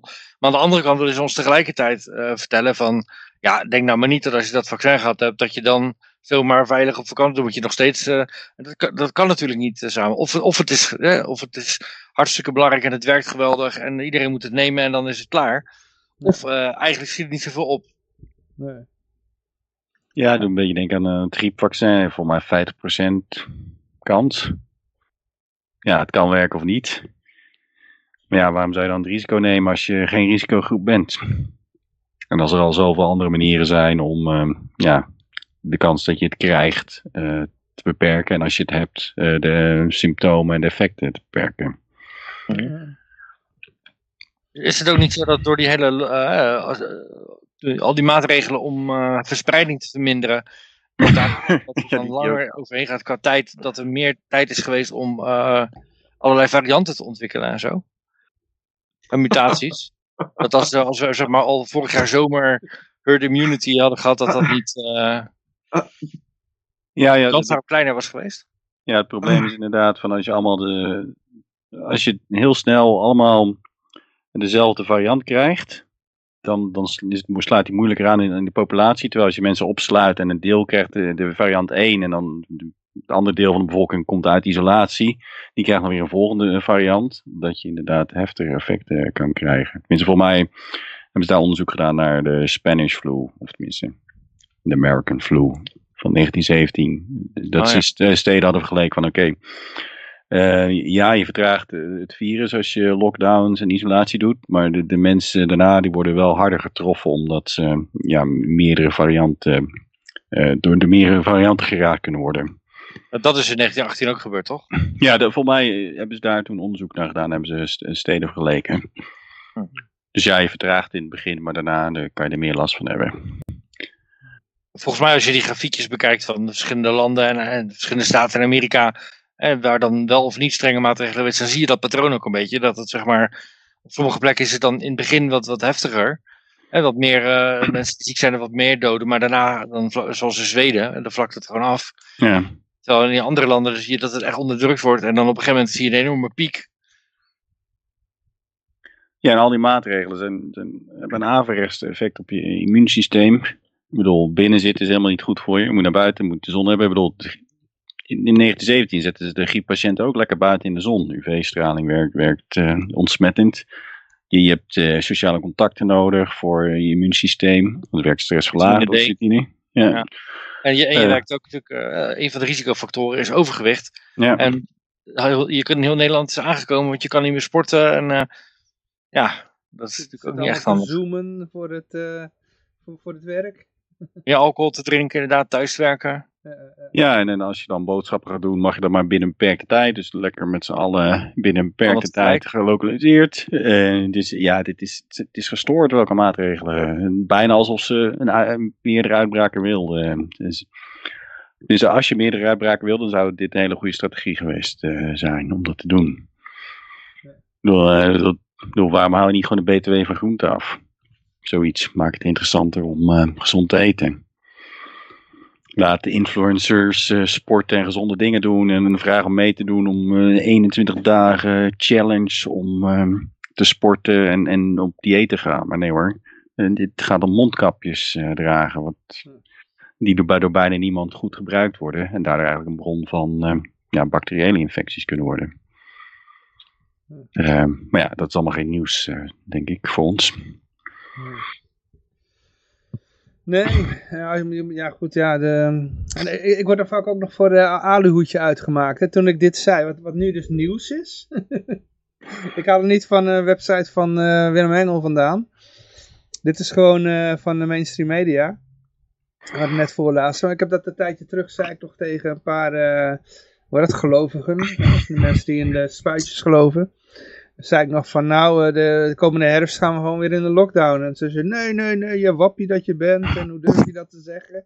Maar dat wordt hier gewoon gezegd. Ja, ja ze houden er rekening mee. Hè? Het is nog niet van, ja. uh, zeg nog niet direct.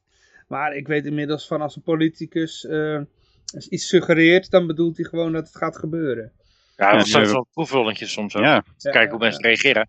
Daarom denk ik ook dat het goed is om bijvoorbeeld wel als op Facebook zo'n nieuwsbericht wordt gedeeld van dat ze iets overwegen of het een of andere proefballonnetje, dat, er dan, dat we dan allemaal gaan zeggen van hey, we zijn er tegen. Want er dan, ja, als ze dan dat gaan analyseren, wat zeker wel gebeurt, ja. dan, uh, dan lijkt het toch anders uh, als die verhouding een beetje. Uh, volgens mij helpt dat wel soms. Ja, heel activistisch zijn. Je... De avondklok was vrij snel weer weg, omdat daar het meeste verzet tegen was. Althans, vrij snel heeft nog veel te lang geduurd, maar vergeleken met die andere maatregelen. Ja, een vaccin en paspoort zou ook niet komen, maar we hebben toch iets wat het lijkt. Ja.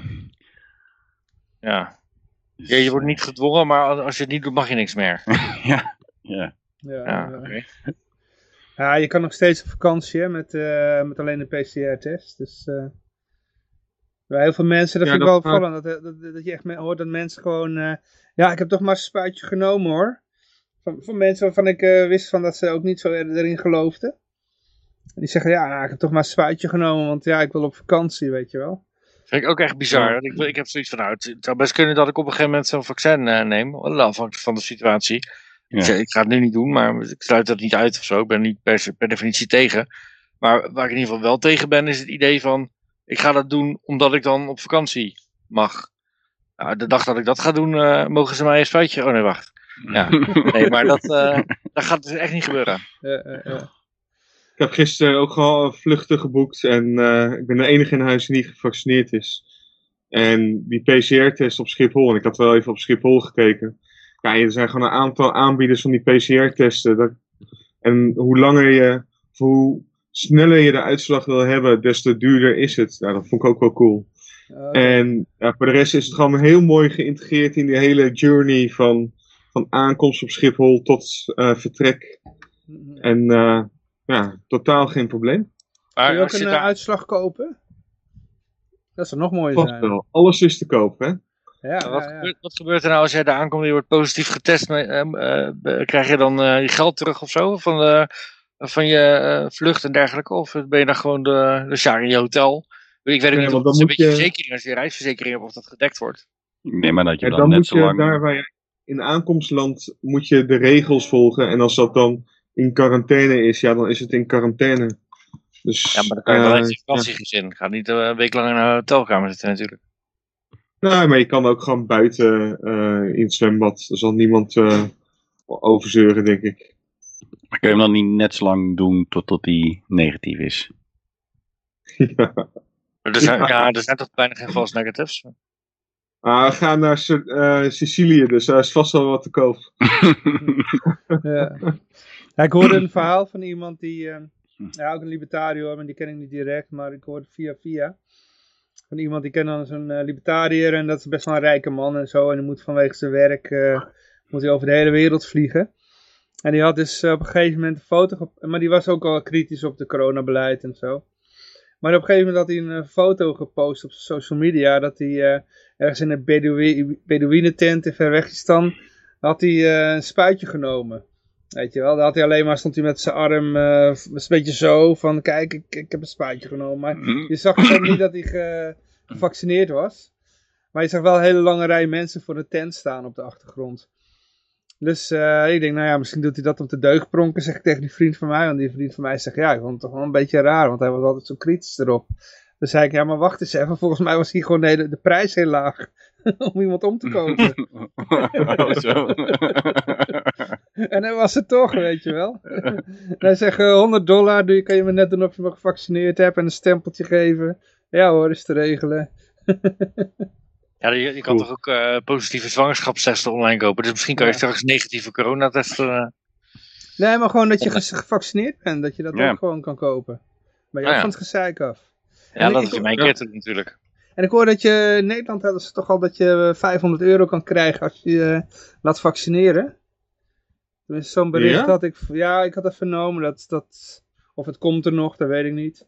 Maar dat Ik ga me nu laten vaccineren. Nou ja, ik dacht Wat van, ik, nou wat ja, ik zo raar... Sorry. Zo'n zo, zo'n GGD'er die zal toch niet zo'n schrikbarend hoog salaris krijgen. Die is toch wel gevoelig voor 100 euro. Dus dan eh, heb je zelf 400 euro in je zak en 100 euro voor die GGD'er. Ja, dat is een En goed eh, geef hem alleen maar een stempeltje en eh, dat spuitje mag je gewoon weggooien. Of op de zwar zwarte Nou, ik ken iemand die werkt ook bij zo'n. Ik- ken wel iemand die werkt bij zo'n testlocatie en die hoeft alleen maar een beetje de weg te wijzen. En die verdient eh, gewoon best wel redelijk. Omdat het ook allemaal gewoon. van gezien. Dat is best hoog inderdaad. Ja. Oké. Maar ook overuurtjes zijn het allemaal. Hè? En, en op zondag werken. Dus daar kun je lekker aan verdienen. Oké. Ja, maar als je 100 euro per, per negatieve test krijgt, of negatieve vaccin. Want die mensen krijgen 500 euro, die geven jou 100 euro. Ja, dat is gewoon op de lopende band stempelen dan. ja. Gewoon eh 10 minuten eh, per persoon. Dus dat is 600 euro per uur. En al die spuitjes die je niet gebruikt hebt, die kun je op de zwarte markt doorverkopen. Oh, kijk. Ja. Of naar derde wereldlanden sturen als ze nog staan te springen om eh, vaccins. Illegaal op marktplaats en eh, gewoon eh, voor zo'n spijtje kopen, ja. Dat ja. zelf erin zetten. Ja, dubbel verdiend. ja. Nou ja, goed. Ja, eh, oh ja, als mensen eh, luisteren, je kunt in de chat kun je nou ook nog met ons meelullen als je wil. Normaal eh, lullen ze veel meer, joh. Een beetje uitgeluld. Ja, of, of het is de, de Peter fanclub, dat kan ook, hè. Dus Peter is er niet en dan, eh, oh shit. Ehm, ja, nee, dan gaan we nog verder. Dan gaan we even naar de social justice. Ja, dat is wel. De aanklachten tegen de railschoppers eh, tijdens de, volgens mij waren het de George Floyd rellen, geloof ik. Eh, Het was in ieder geval in New York. Al hun aanklachten zijn komen te vervallen. Ze hebben een hele puinhoop achtergelaten. Maar hey, het was voor de goede zaken. En dan mag Mostly gewoon, eh, peaceful.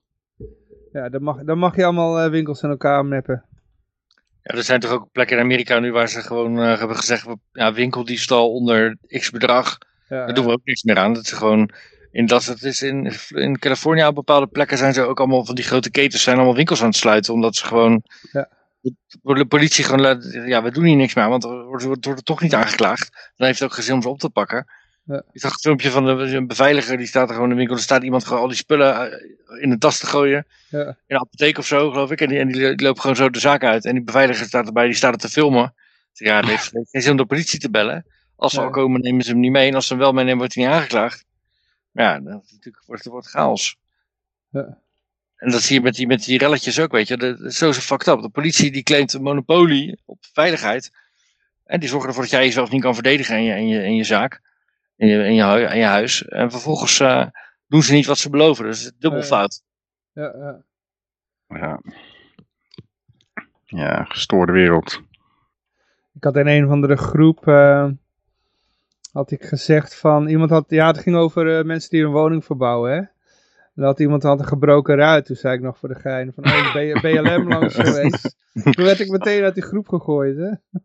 Ze waren gewoon de economie aan het stimuleren. Ja, daar moet ik ook als eerste aan denken.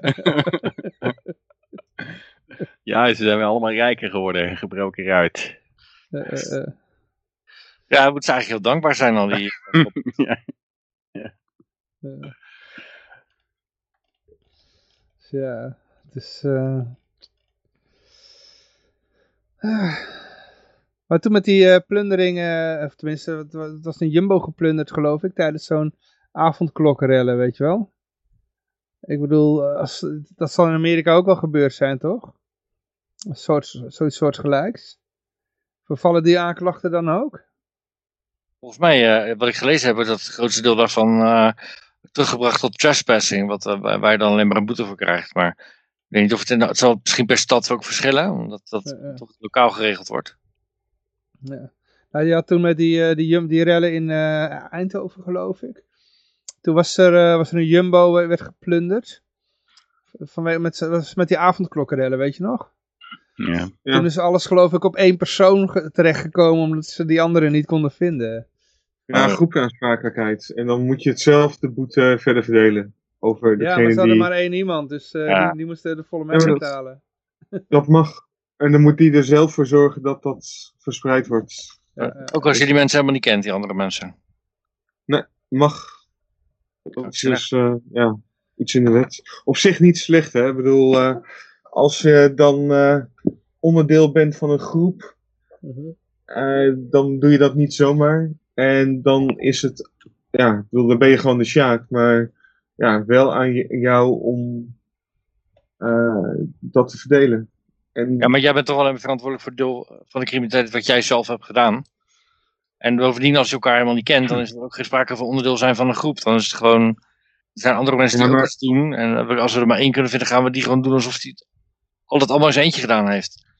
ja, maar Ja. dat moet diegene dan zelf doen. Nou, Kijk, het liefst pakken ze natuurlijk ook gewoon die hele groep op. Maar als het niet lukt, ja, dan ge- gebruiken ze dat groepsaansprakelijkheid geneuzel. Nou, kijk, als het werkt daadwerkelijk een groep nou is die samenwerkt, dan, dan zit, kan ik er nog enige, enige logica van bedenken. Maar ja, als ik eh, toch een winkel aan het leegplunderen ben en ik neem twee potten pindakaas mee en er staan zes man die staan naast mij, die, die, richten voor, die nemen voor duizenden euro zijn spullen mee. Ja, dat is toch Als- als een beetje ik dan raar dat die- ik daar dan eh, last van krijg. Terwijl Als, ik, als die jongen doen. was met die twee pindakaas, zou ik zeggen van ja, ik kwam gewoon hier twee pindakaas kopen.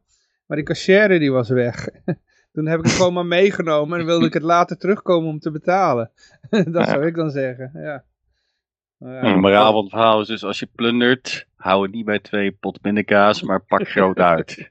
Ja, Dan kom je En ermee weg. en zorg ervoor dat je iemand meeneemt die, eh, die gepakt wordt. Inderdaad. Oké, ja, logisch. Gewoon random eh, winkel, iemand die daar in die winkel rondloopt aanspreken. Hier wil je ook wat meenemen. Hier, douw wat in zijn handen. Zorgen dat hij goed langs de camera loopt. Zo. En dan, eh, Zwaai even en naar dan, de camera. en dan als zelf allemaal andere spullen meenemen, dan de politie bellen van, ah, ik eh, ken die man wel hoor. Ja, gewoon eh, anoniem eh, snitchen. ja. Of voor de camera staan met een bordje met de bl- hashtag Black Lives Matter. En dan zo. Oh. Ja, ik, ik, ik ben niet aan het rellen voor de avondklok. ik ben aan het rellen voor BLM. Dus dan hoef ik niks te betalen. Ben je ook immuun eh, tegen corona, begrijp ik. Ja. Oh ja, ja, ook. Ja, Dus, eh, ja goed. Ja, dan komen we bij het volgende. Even kijken hoor. Dat was inderdaad... ja, hier. Hebben ze, ja. Want eh Juneteenth, dat is, eh, dat is een soort eh, herdenkingsdag voor de afschaffing van de slavernij. Ehm, even kijken hoor, want dat is nou in de VS dus een officiële feestdag. Dat betekent dat de ambtenaren dan vrij zijn. En ze gaan, iemand gaat ervan uit dat ook eh, naar Nederland zal overvliegen. Maar moeten de belastingslaven dan wel hun salarissen doorbetalen als ze vrij zijn? Of Ja, dat eh vraag ik me krijgen ze ook een tax holiday daarvoor? Wat, ik begreep is dat, eh, dat ze het ook heel kort van tevoren in één keer spontaan hebben. Oh, by the way, vanaf nu niet zo van vanaf volgend jaar. Maar gewoon dat je ineens, oh, volgende week ben je vrij. Want eh doe me een beetje denken aan hoe dat op Aruba gaat. Dus, hebben ze zo ook een paar jaar geleden in één keer belasting eh, gebeuren helemaal veranderd midden in de maand. Gewoon zo van per volgende week veranderen de tarieven. Oké. Ja, dat hebben ze nu met, met die holiday ook gedaan. Dat het in één keer uit het niet zo van, eh, we, we declare this a national holiday. En dan, ja, heel zonder enige planning. Dat helemaal niet duidelijk is wie er dan vrij krijgt en niet, en wie niet. Ja.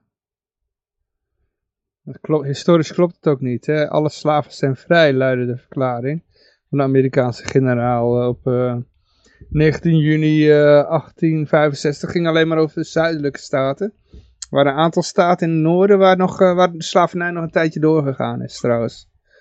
Dus, eh, Oké, dus, ja. dus daar geen feestdag.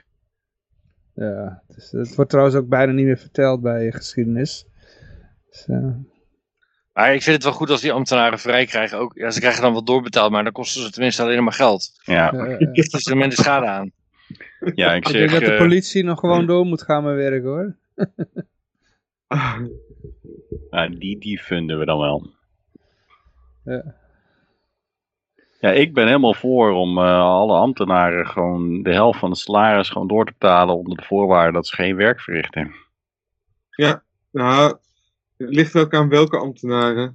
Eh, maar voor een groot deel van de ambtenaren zou dat een per onderstreep gunstige regeling zijn. Nou, ze mogen nog wel in de private sector diensten aanbieden, wat mij betreft, maar niet meer als ambtenaar. Dus ze hebben geen bevoegdheden meer. Ze moeten het allemaal op basis van vrijwilligheid, ze moeten echt waarde toevoegen. Ja, het is wel zo, ze hebben een aantal dingen gemonopoliseerd die wel eh, nuttig zijn. Ik bedoel, de straatvegen en zo. Ja, als de gemeente hier de afval niet meer ophaalt, dan... eh, maar dan komt er vanzelf iemand anders die het gaat doen, want er valt geld aan te zingen. Ja, maar dat Ja, maar kan- ze, mogen nog steeds wel eh, werken, maar het mag alleen op basis van vrijwilligheid. Dus als er daadwerkelijk vraag is, ja, dan eh, kunnen ze hun diensten aan- aanbieden. Maar ze mogen niet meer als ambtenaar eh, werken. En, an- en andere mensen mogen het ook.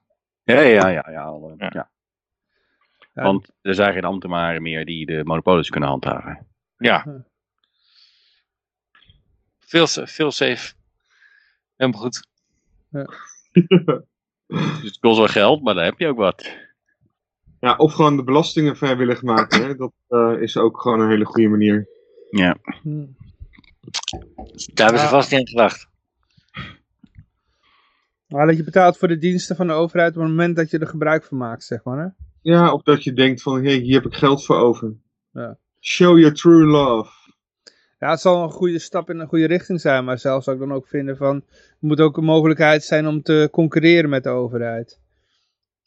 Absoluut. Ja, als, als de overheid zegt, van, ja, wij, hebben, wij, wij claimen geen monopolie meer en je hoeft niet, je mag vrijwillig kiezen om ons te betalen, Ja, dan is er geen overheid meer. ja, Nee. ja, ja. Uh, Spy Cohen, die, eh, die ken je wel, denk Ja, ik, dat hè? klinkt goed. Ja. Spy Cohen, die ken je toch wel? Naam zegt me iets, maar Spike. Vice-presidentskandidaat van eh, LP. Ja, vice, vice-presidentskandidaat, ja. Die had een, eh, ook zo'n plan van eh, vrijwillige BTW. Hij zei, ja, dat is dan nog de enige belasting die we hebben, wordt dan vrijwillige BTW. En als jij dan, eh, zeg maar, je kan zeggen van, nou ja, ik ga dat eh, betalen, dan heb je productsaansprakelijkheid. Maar je kan ook zeggen, nee, ik doe dat niet. En dan eh, is dat niet die productsaansprakelijkheid via de overheid meer. Je kan dan wel kiezen om dat via een eh, alternatieve manier te doen.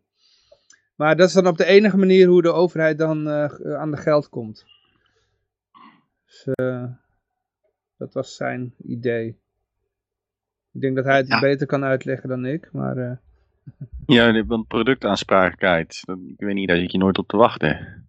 Nee, misschien zeg ik het verkeerde woord, dat die eh, Als consument eh, garantie, een soort garantie, hè? Ah, oké. ja, ja, dat ja, bedoel ik. Dat je als je, dat je aansprakelijkheid hebt, tenminste dat je, normaal als een product iets mankeert dat je koopt, dan kan je naar de rechter stappen, dat bedoel ik. Garantie. Ja, oké. Garantie. Ja.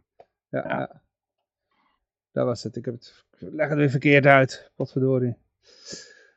Eh ja, nou ja, goed. Maar dat, dat, daar, daar doet de overheid in de praktijk toch helemaal, helemaal geen ene bal aan. Als ik iets koop bij de winkel en ik breng het terug, dan nemen ze dat terug vanwege an- dat ze anders reputatieschade krijgen. En niet omdat ik zeg van, hey, anders dan eh, haal ik de overheid erbij.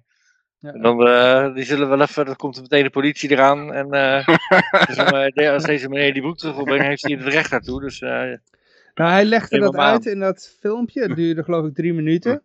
Hij praat heel snel. Eh, maar hij legde dat toen uit. Hij zei van ja, want als de, de overheid moet dan, eh, omdat dat zijn enige bron van inkomsten is, ja, moeten ze wel hun best gaan doen, weet je wel.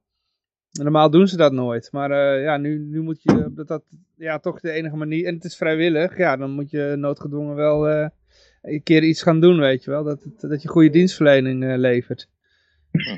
Snap je? Dus ja. Ja, goed. Ja, misschien moet ik dat filmpje een keer posten. Dan eh kun je het ook zien. Hmm. Dan, eh, ja, goed. ik vind het altijd wel leuk, dit soort ideeën. Maar ik kan daar echt helemaal niks mee. Want het is gewoon, ja. Wat als deze mensen die nu op ons parasiteren dat niet meer zouden doen? Ja, oké, leuk. Dat Ja, zou daarom zeg zijn. ik, we betalen ze gewoon door. We geven ze gewoon 365 vakantiedagen per jaar, maar geven ze de helft van het loon. Ja. Mm, mm. Ik bedoel, dan hebben ze, nou ja, dan hebben ze aan de ene kant een incentive, want ze krijgen heel veel vrij, ze kunnen andere dingen doen. En ze krijgen nog steeds geld. Misschien is dat ook iets wat de LP had kunnen overwegen. En daar ook dan die bodemambtenaren mee achter, of ja, meekrijgen in het stemlokaal. Dus gewoon vier, of de hele jaar vakantie voor de helft van het geld. Ja, en je mag nog wel de werkzaamheden, je, je vaardigheden uit, eh, vaardigheden, je, ja, je vak uitoefenen zo gezegd, maar het moet wel op vrijwillige basis. Dus je mag niet meer naar iemand eh, toekomen van, hé, hey, ik ga eh, jou mijn dienst opdringen. Maar als het daadwerkelijk vraag is, dan kan je zo zwart, zo gezegd, blijven dienen. Maar wat je eigenlijk creëert is een soort basisinkomen idee, maar dan alleen voor voormalige ambtenaren en dan gebaseerd op wat ze daarvoor als ambtenaar verdienden. Dus tot het einde der tijd krijgen die ambtenaren elke maand geld en moeten wij bij blijven betalen. Dat is Ja, oké, er maar zo wel afkomen. een positieve business case. ja, we komen er dan toch niet vanaf? Ja, we komen voor de helft vanaf. Maar de andere helft, dat lok je eigenlijk vast. Ja, die mensen Ja. gaan een keer dood, stoppen en die kan er ook eh, een horizon aan plakken. Ja, oké, dat, is, dat is wel waar. Ja. Dat ligt, Ze ligt zullen niet, ze, ze zullen niet overlijden van op eerst heel hard werken en dan opeens helemaal niks doen en dan een hartaanval daarvan krijgen. Dat zal niet zo gebeuren. Bij ambtenaren. Oké, ga verder. Volgende item. Ja, Prins Bernhard. Ken je die nog? Nog, nog? Ja, zeker. Ja. Dat is toch zo'n typetje van Jensen, geloof ik? Nou, ja, ook. Maar Hij het heeft ook was echt bestaan, geloof ik. ja, gewoon een natieprins, hè. Dus eh Ja, ja, ja, ja. een van de twee. Maar goed, wel, ik vond hem wel heel sympathiek en grappig. En eh, eh, hij heeft ook, ook schadelijke dingen natuurlijk gedaan, maar ook best wel goede dingen. En eh bijvoorbeeld het Wereld Natuurfonds, wat op zich re- Een leuke reis is eigenlijk. waren. Maar dat is wel daardoor op de kaart gezet. En dat, Een dat is wel- Bilderberg heeft hij georganiseerd. Ja, dat, dat, hij kende wat mensen bij Lockheed en zo. eh die altijd twee op de koffie kwam. En eh, ja, god, die, eh, nou ja, wat dat heeft, heeft hij allemaal nog meer gedaan? Ja. Ja, wat ik altijd zeg bij dit soort dingen, dat hebben het hier over die steekpenningen, maar dan is natuurlijk, ja, als, als je dat hoort, dan is het bij mij niet zo van, ah, hij heeft één keer in zijn leven steekpenning aangenomen, maar toen werd hij toevallig ook net gepakt. Weet je. Waarschijnlijk is het gewoon dat hij dat decennia lang gedaan heeft en één een keer opgelet heeft. Ja, precies, wat een pechvogel. Ja, eh, Dat is wel, eh maar verder, wat verder heeft hij nooit wel gedaan? Ja, dat is onwaarschijnlijk. Eén misstap en daar is het hele leven door Ja. getekend. Zielig, hè? Toen wordt Ja. de potverdorie iedere keer nagedragen, zelfs naast de dood. En dan was er eindelijk een school die naam vernoemd werd. En dan potverdorie moet dat naambordje veranderd worden. Want ja, het is toch een, eh, een foute man, hè? We hadden het allemaal vergeven dat hij zich liep in te likken bij Hitler, toch? Ja, ja. Ja, ik vind het wel een goede ontwikkeling. Dat, eh, dat Maar hij was geen racist, want hij neukte wel eens een zwarte vrouw. oh, is dat het criterium voor geen racist zijn? Oké. Hij neukte Dan- wel eens in Afrika. I'm not racist, some of my best bitches are black. Dan zijn alle politici geen racisten, want die fuck iedereen. ja. Ja. eh. Goed, Maar wat, is, eh, ja, wat vinden ze dan het allerfoutste eigenlijk hier? eh, die die, die Lockheed-affaire wordt genoemd in het artikel, maar ja, er, wordt, er wordt niet heel erg concreet gezegd van dit is het, waardoor die niet, Nee. waardoor naam gaan veranderen. Alleen Nee. dat hij niet helemaal het goed voorbeeld is of zo, ja, een beetje De vaag. reputatie van de prins heeft misschien in het achterhoofd meegespeeld, maar het is niet de voornaamste reden. Ja. we willen iemand van kleur hebben natuurlijk, hè? Ik, vind, ik vind het heel vreemd. Misschien, hoezo misschien? Ik bedoel, je bent journalist, je schrijft een artikeltje voor Omroep Brabant. Ja, dat is op dat niveau, eh, Dennis. Die bel je dan op en die zeg je van, hé luister dan, eh, heeft dit daarmee te maken of niet? En, dan- en dan zeggen ze niet misschien, dan zeggen ze ja of nee. Of een, Nee, nee, Er zijn meerdere redenen voor, maar dit is toch vaag? En Marcel van den Hoven uit, voorzitter van het scholenbestuur Tangent. De, de reputatie van de prins heeft misschien in het achterhoofd meegespeeld, maar het is niet de voornaamste reden. Er speelden een hele hoop andere factoren mee bij de naamsverandering. We vonden de naam niet meer passen hoe, bij hoe wij zijn. En dit is de man die erover gaat en die zegt misschien, misschien heeft het misschien Ja. niet. Ik weet het Ze willen, niet. ze, willen het, ze willen het gewoon niet zeggen. Dat, lijkt het op, ja. Hij heeft er geen actieve herinnering aan, denk ik. Hij, hij denkt gewoon van, ik zeg maar gewoon, dat het, ik ga beginnen over die andere dingen, want anders komt er alleen maar gezeik van. ja. ja. Ik denk gewoon dat hij meer subsidie kan krijgen als hij die naam naar eh, een, eh, iemand van kleur eh, eh, vernoemt. Zoals Ja, eh, Robert wordt- Mugabe school of zo. eh. Wat wel. Volgens mij heet het vier harten nu of iets dergelijks. Dus de Idi Amin Dada school.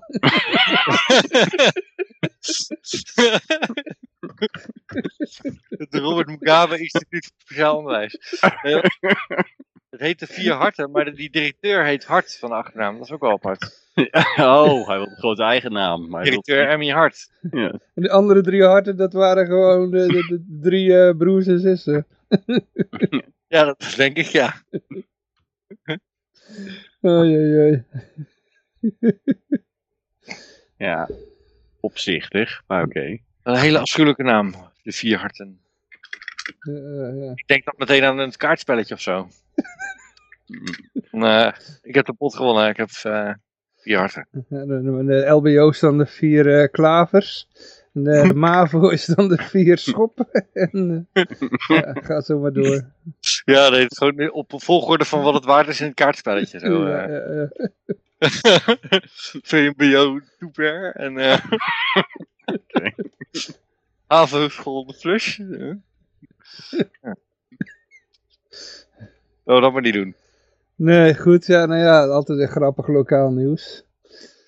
Eh, maar, dan zijn we, godsamme, dat vroeg aan het einde, hè? We hebben nog één berichtje. Ja, we kunnen nog doorlullen hoor, als je, als je wil. Eh, dit kwam Nee. ons, eh, werd ons ook nog toegeworpen. Ik had de spot verdorie, ik heb het helemaal niet gelezen, joh. Eh, even kijken. Drama. Drama bij de Libertarian Party. Oh ja. Joe Bishop. ehm Hier heb ik wel iets meegekregen. Ook, eh, To resign as uh, LNC chairman. Ja, daar hadden we het vorige week ook al over, ja. En eh, ja, ik had van Twan ook al wat vernomen. Dus, eh, ja, wel terecht dat hij eh, op uh, Sodomiet het lijkt mij. ja, ja, ja. Foute boel. Maar Dat je ook goed, denkt dat je daarmee wegkomt, hè? Zwaar. Voor degenen die onder de steen hebben geleefd, wat was er gebeurd? Eh, ja, dat was eh, de, de, de Mises Caucus eh, van de LP. die zijn een beetje de partij aan het overnemen. Halen veel nieuwe mensen binnen. En in sommige staten hebben ze al een meerderheid. Hebben heel veel invloed nu. En ja, dat was, wat was haar functie precies? Dat weet ik even niet meer. Van de LP in. even kijken. Chairman, waar- hij was chairman. Nee, die vrouw die, eh, die de boel eh, die het eigenlijk heeft gedaan. Is, in samen, samenspel met hem. Oh, eh, ja, ik heb het een beetje mee, inderdaad, het vorige week is, heeft Peter er wat over verteld. Inderdaad, wat jij net vertelde, zei hij ook. En ze waren een eigen partij begonnen, geloof ik.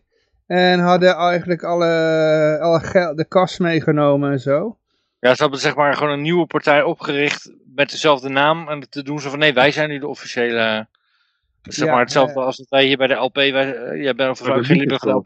Maar ze hadden ook de hele kas eh, meegenomen, hè? De- Ja, de en eh, financiën. informatie. En, eh, Ja. ja. En vervolgens er is ook controle over de social media ook nog, geloof ik. Ja, eh, eh. Lastig allemaal te fixen, maar. eh, ja, die, die, die, die man, die voor de voorzitter van de eh, LSI, die had een soort van. Die werd ernaar gevraagd en die zei van ja, we gaan er even naar kijken of zoiets. En plaats van te zeggen van nou, dit kan natuurlijk niet. nee. Het leek er toch op alsof hij er wel een beetje alsof hij het wel prima vond.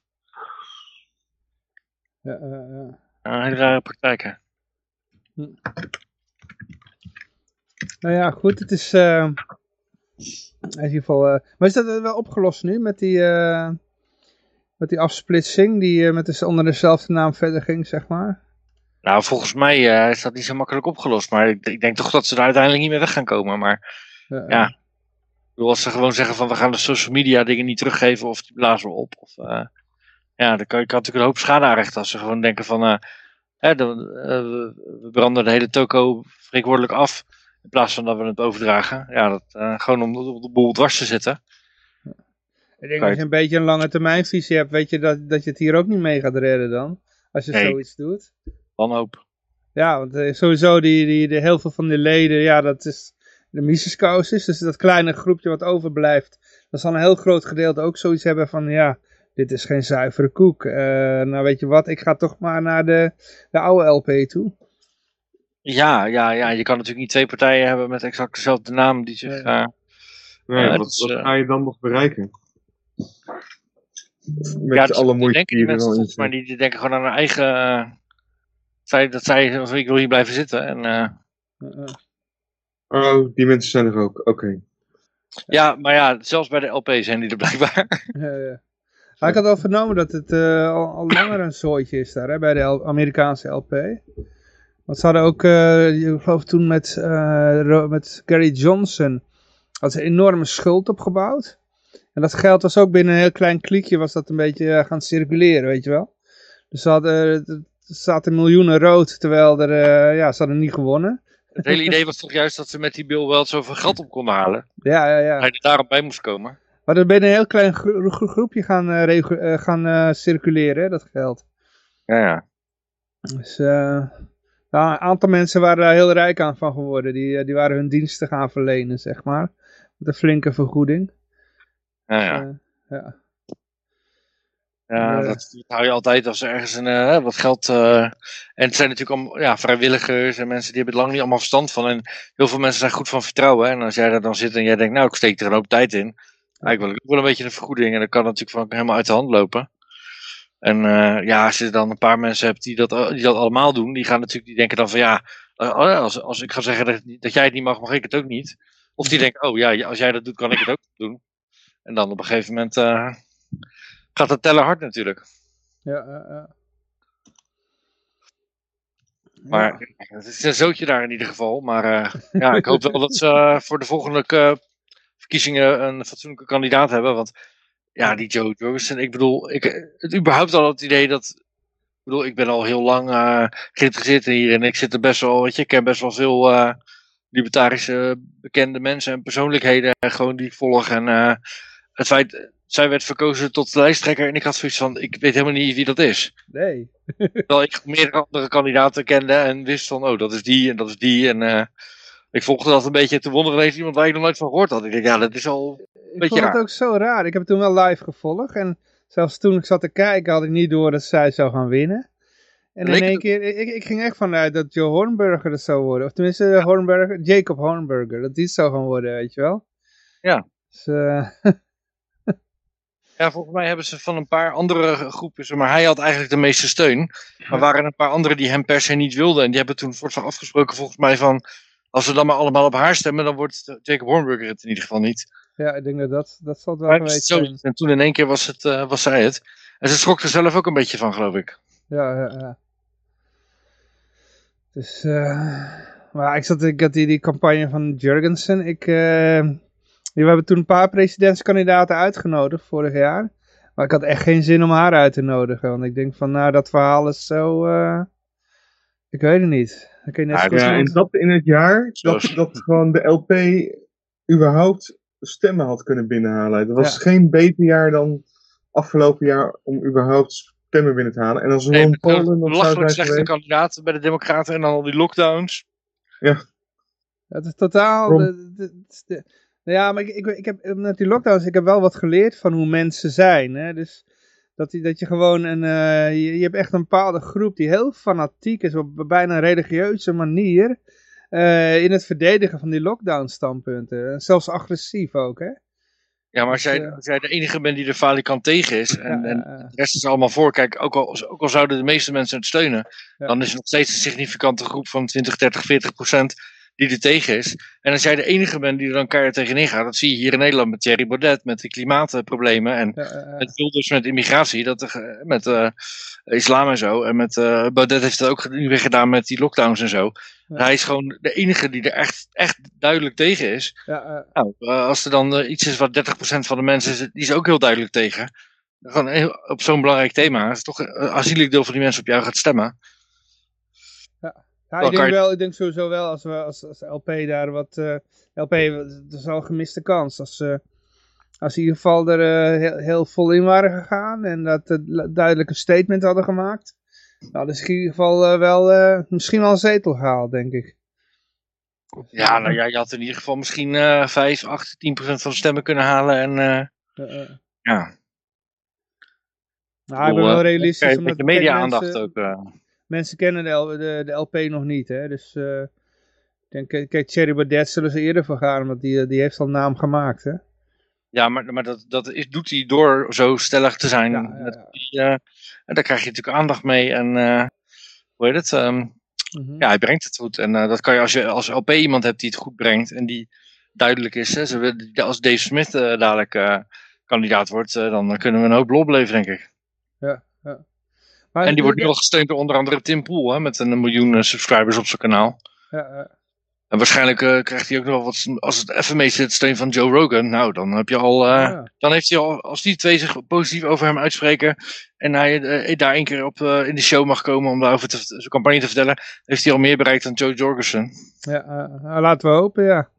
Maar je moet niet, niet vergeten, kijk, de LP in Amerika is al 50 jaar bezig, geloof ik. ja, ja, bijna. ja. Wat hebben ze bereikt? Ja, net zoveel als de Nederlandse LP. Ja, goed, die bestaat nog geen 50 jaar. Maar in ieder geval, Nee, ja, maar wel het was wel 28 gelijk jaar. dat eh, in Nederland hebben we wel die, die Mises Causes. Die heeft echt in, in, in een paar dagen bereikt wat, eh, waar ze in Amerika al heel lang mee bezig zijn met de Mises Causes. Hè? Ja, ik weet niet hoe het ermee staat eigenlijk. Eh, heb jij het een beetje gevolgd of ben je, ben je er mee bezig? Nou, we zijn de grootste. de grootste factie. Ja, er is geen Er is er maar één, toch? Ja. Nee, maar ik hoorde ook met de verkiezingen vorige keer weer iemand over, ja, al die eh, nieuwe partijtjes, splinterpartijtjes, en noemden ze de LP ook. Ik denk, ja, dat is helemaal geen splinterpartij en die is ook niet Nee. nieuw. Bestaat al, volgens mij bestaat de LP al langer dan sommige eh, hele grote gevestigde partijen. Ja, ja, ja, dat is wel waar, ja. We zijn uit eh, begin jaren 90 geloof ik, hè? Ja, volgens mij 93 of zo. Ja, ja, ja. Ja, Hm. Hey, ik dat ga, als verteld hoe het allemaal eh, gaat, dus dat is wel mooi. Oh ja, eh, ik- Ik ga er Lucas gaat. Ja. Ja. dankjewel Lucas. Ja, wij kunnen nog even doorlullen hoor. Dus, eh, Ja, lul lekker door. Ja, Dat is, ik ben er ook eh, vandoor. Oh, jij gaat er vandoor? Yes. Oké. ja. Oké. Hey, ik Hey, blijf fijne avond. plakken, maar niet al te lang. Fijne avond. Ja. Oké, ciao ciao. Anders doe ik gewoon even de. Dan gooi ik gewoon, doe ik gewoon even de afkondiging en dan eh, Oh ja. kunnen wij nog doorlullen. Eh, goed, eh, dames en heren, jongens en meisjes. Ik wil eh, jullie in ieder geval hart- hartelijk danken voor het luisteren naar deze uitzending. Uiteraard zijn we volgende week weer. Ik wens iedereen een vrolijke en vooral nog heel erg vrije week toe. En ik zou zeggen, toedeledokie. Hier is de eindtune. De eindtune.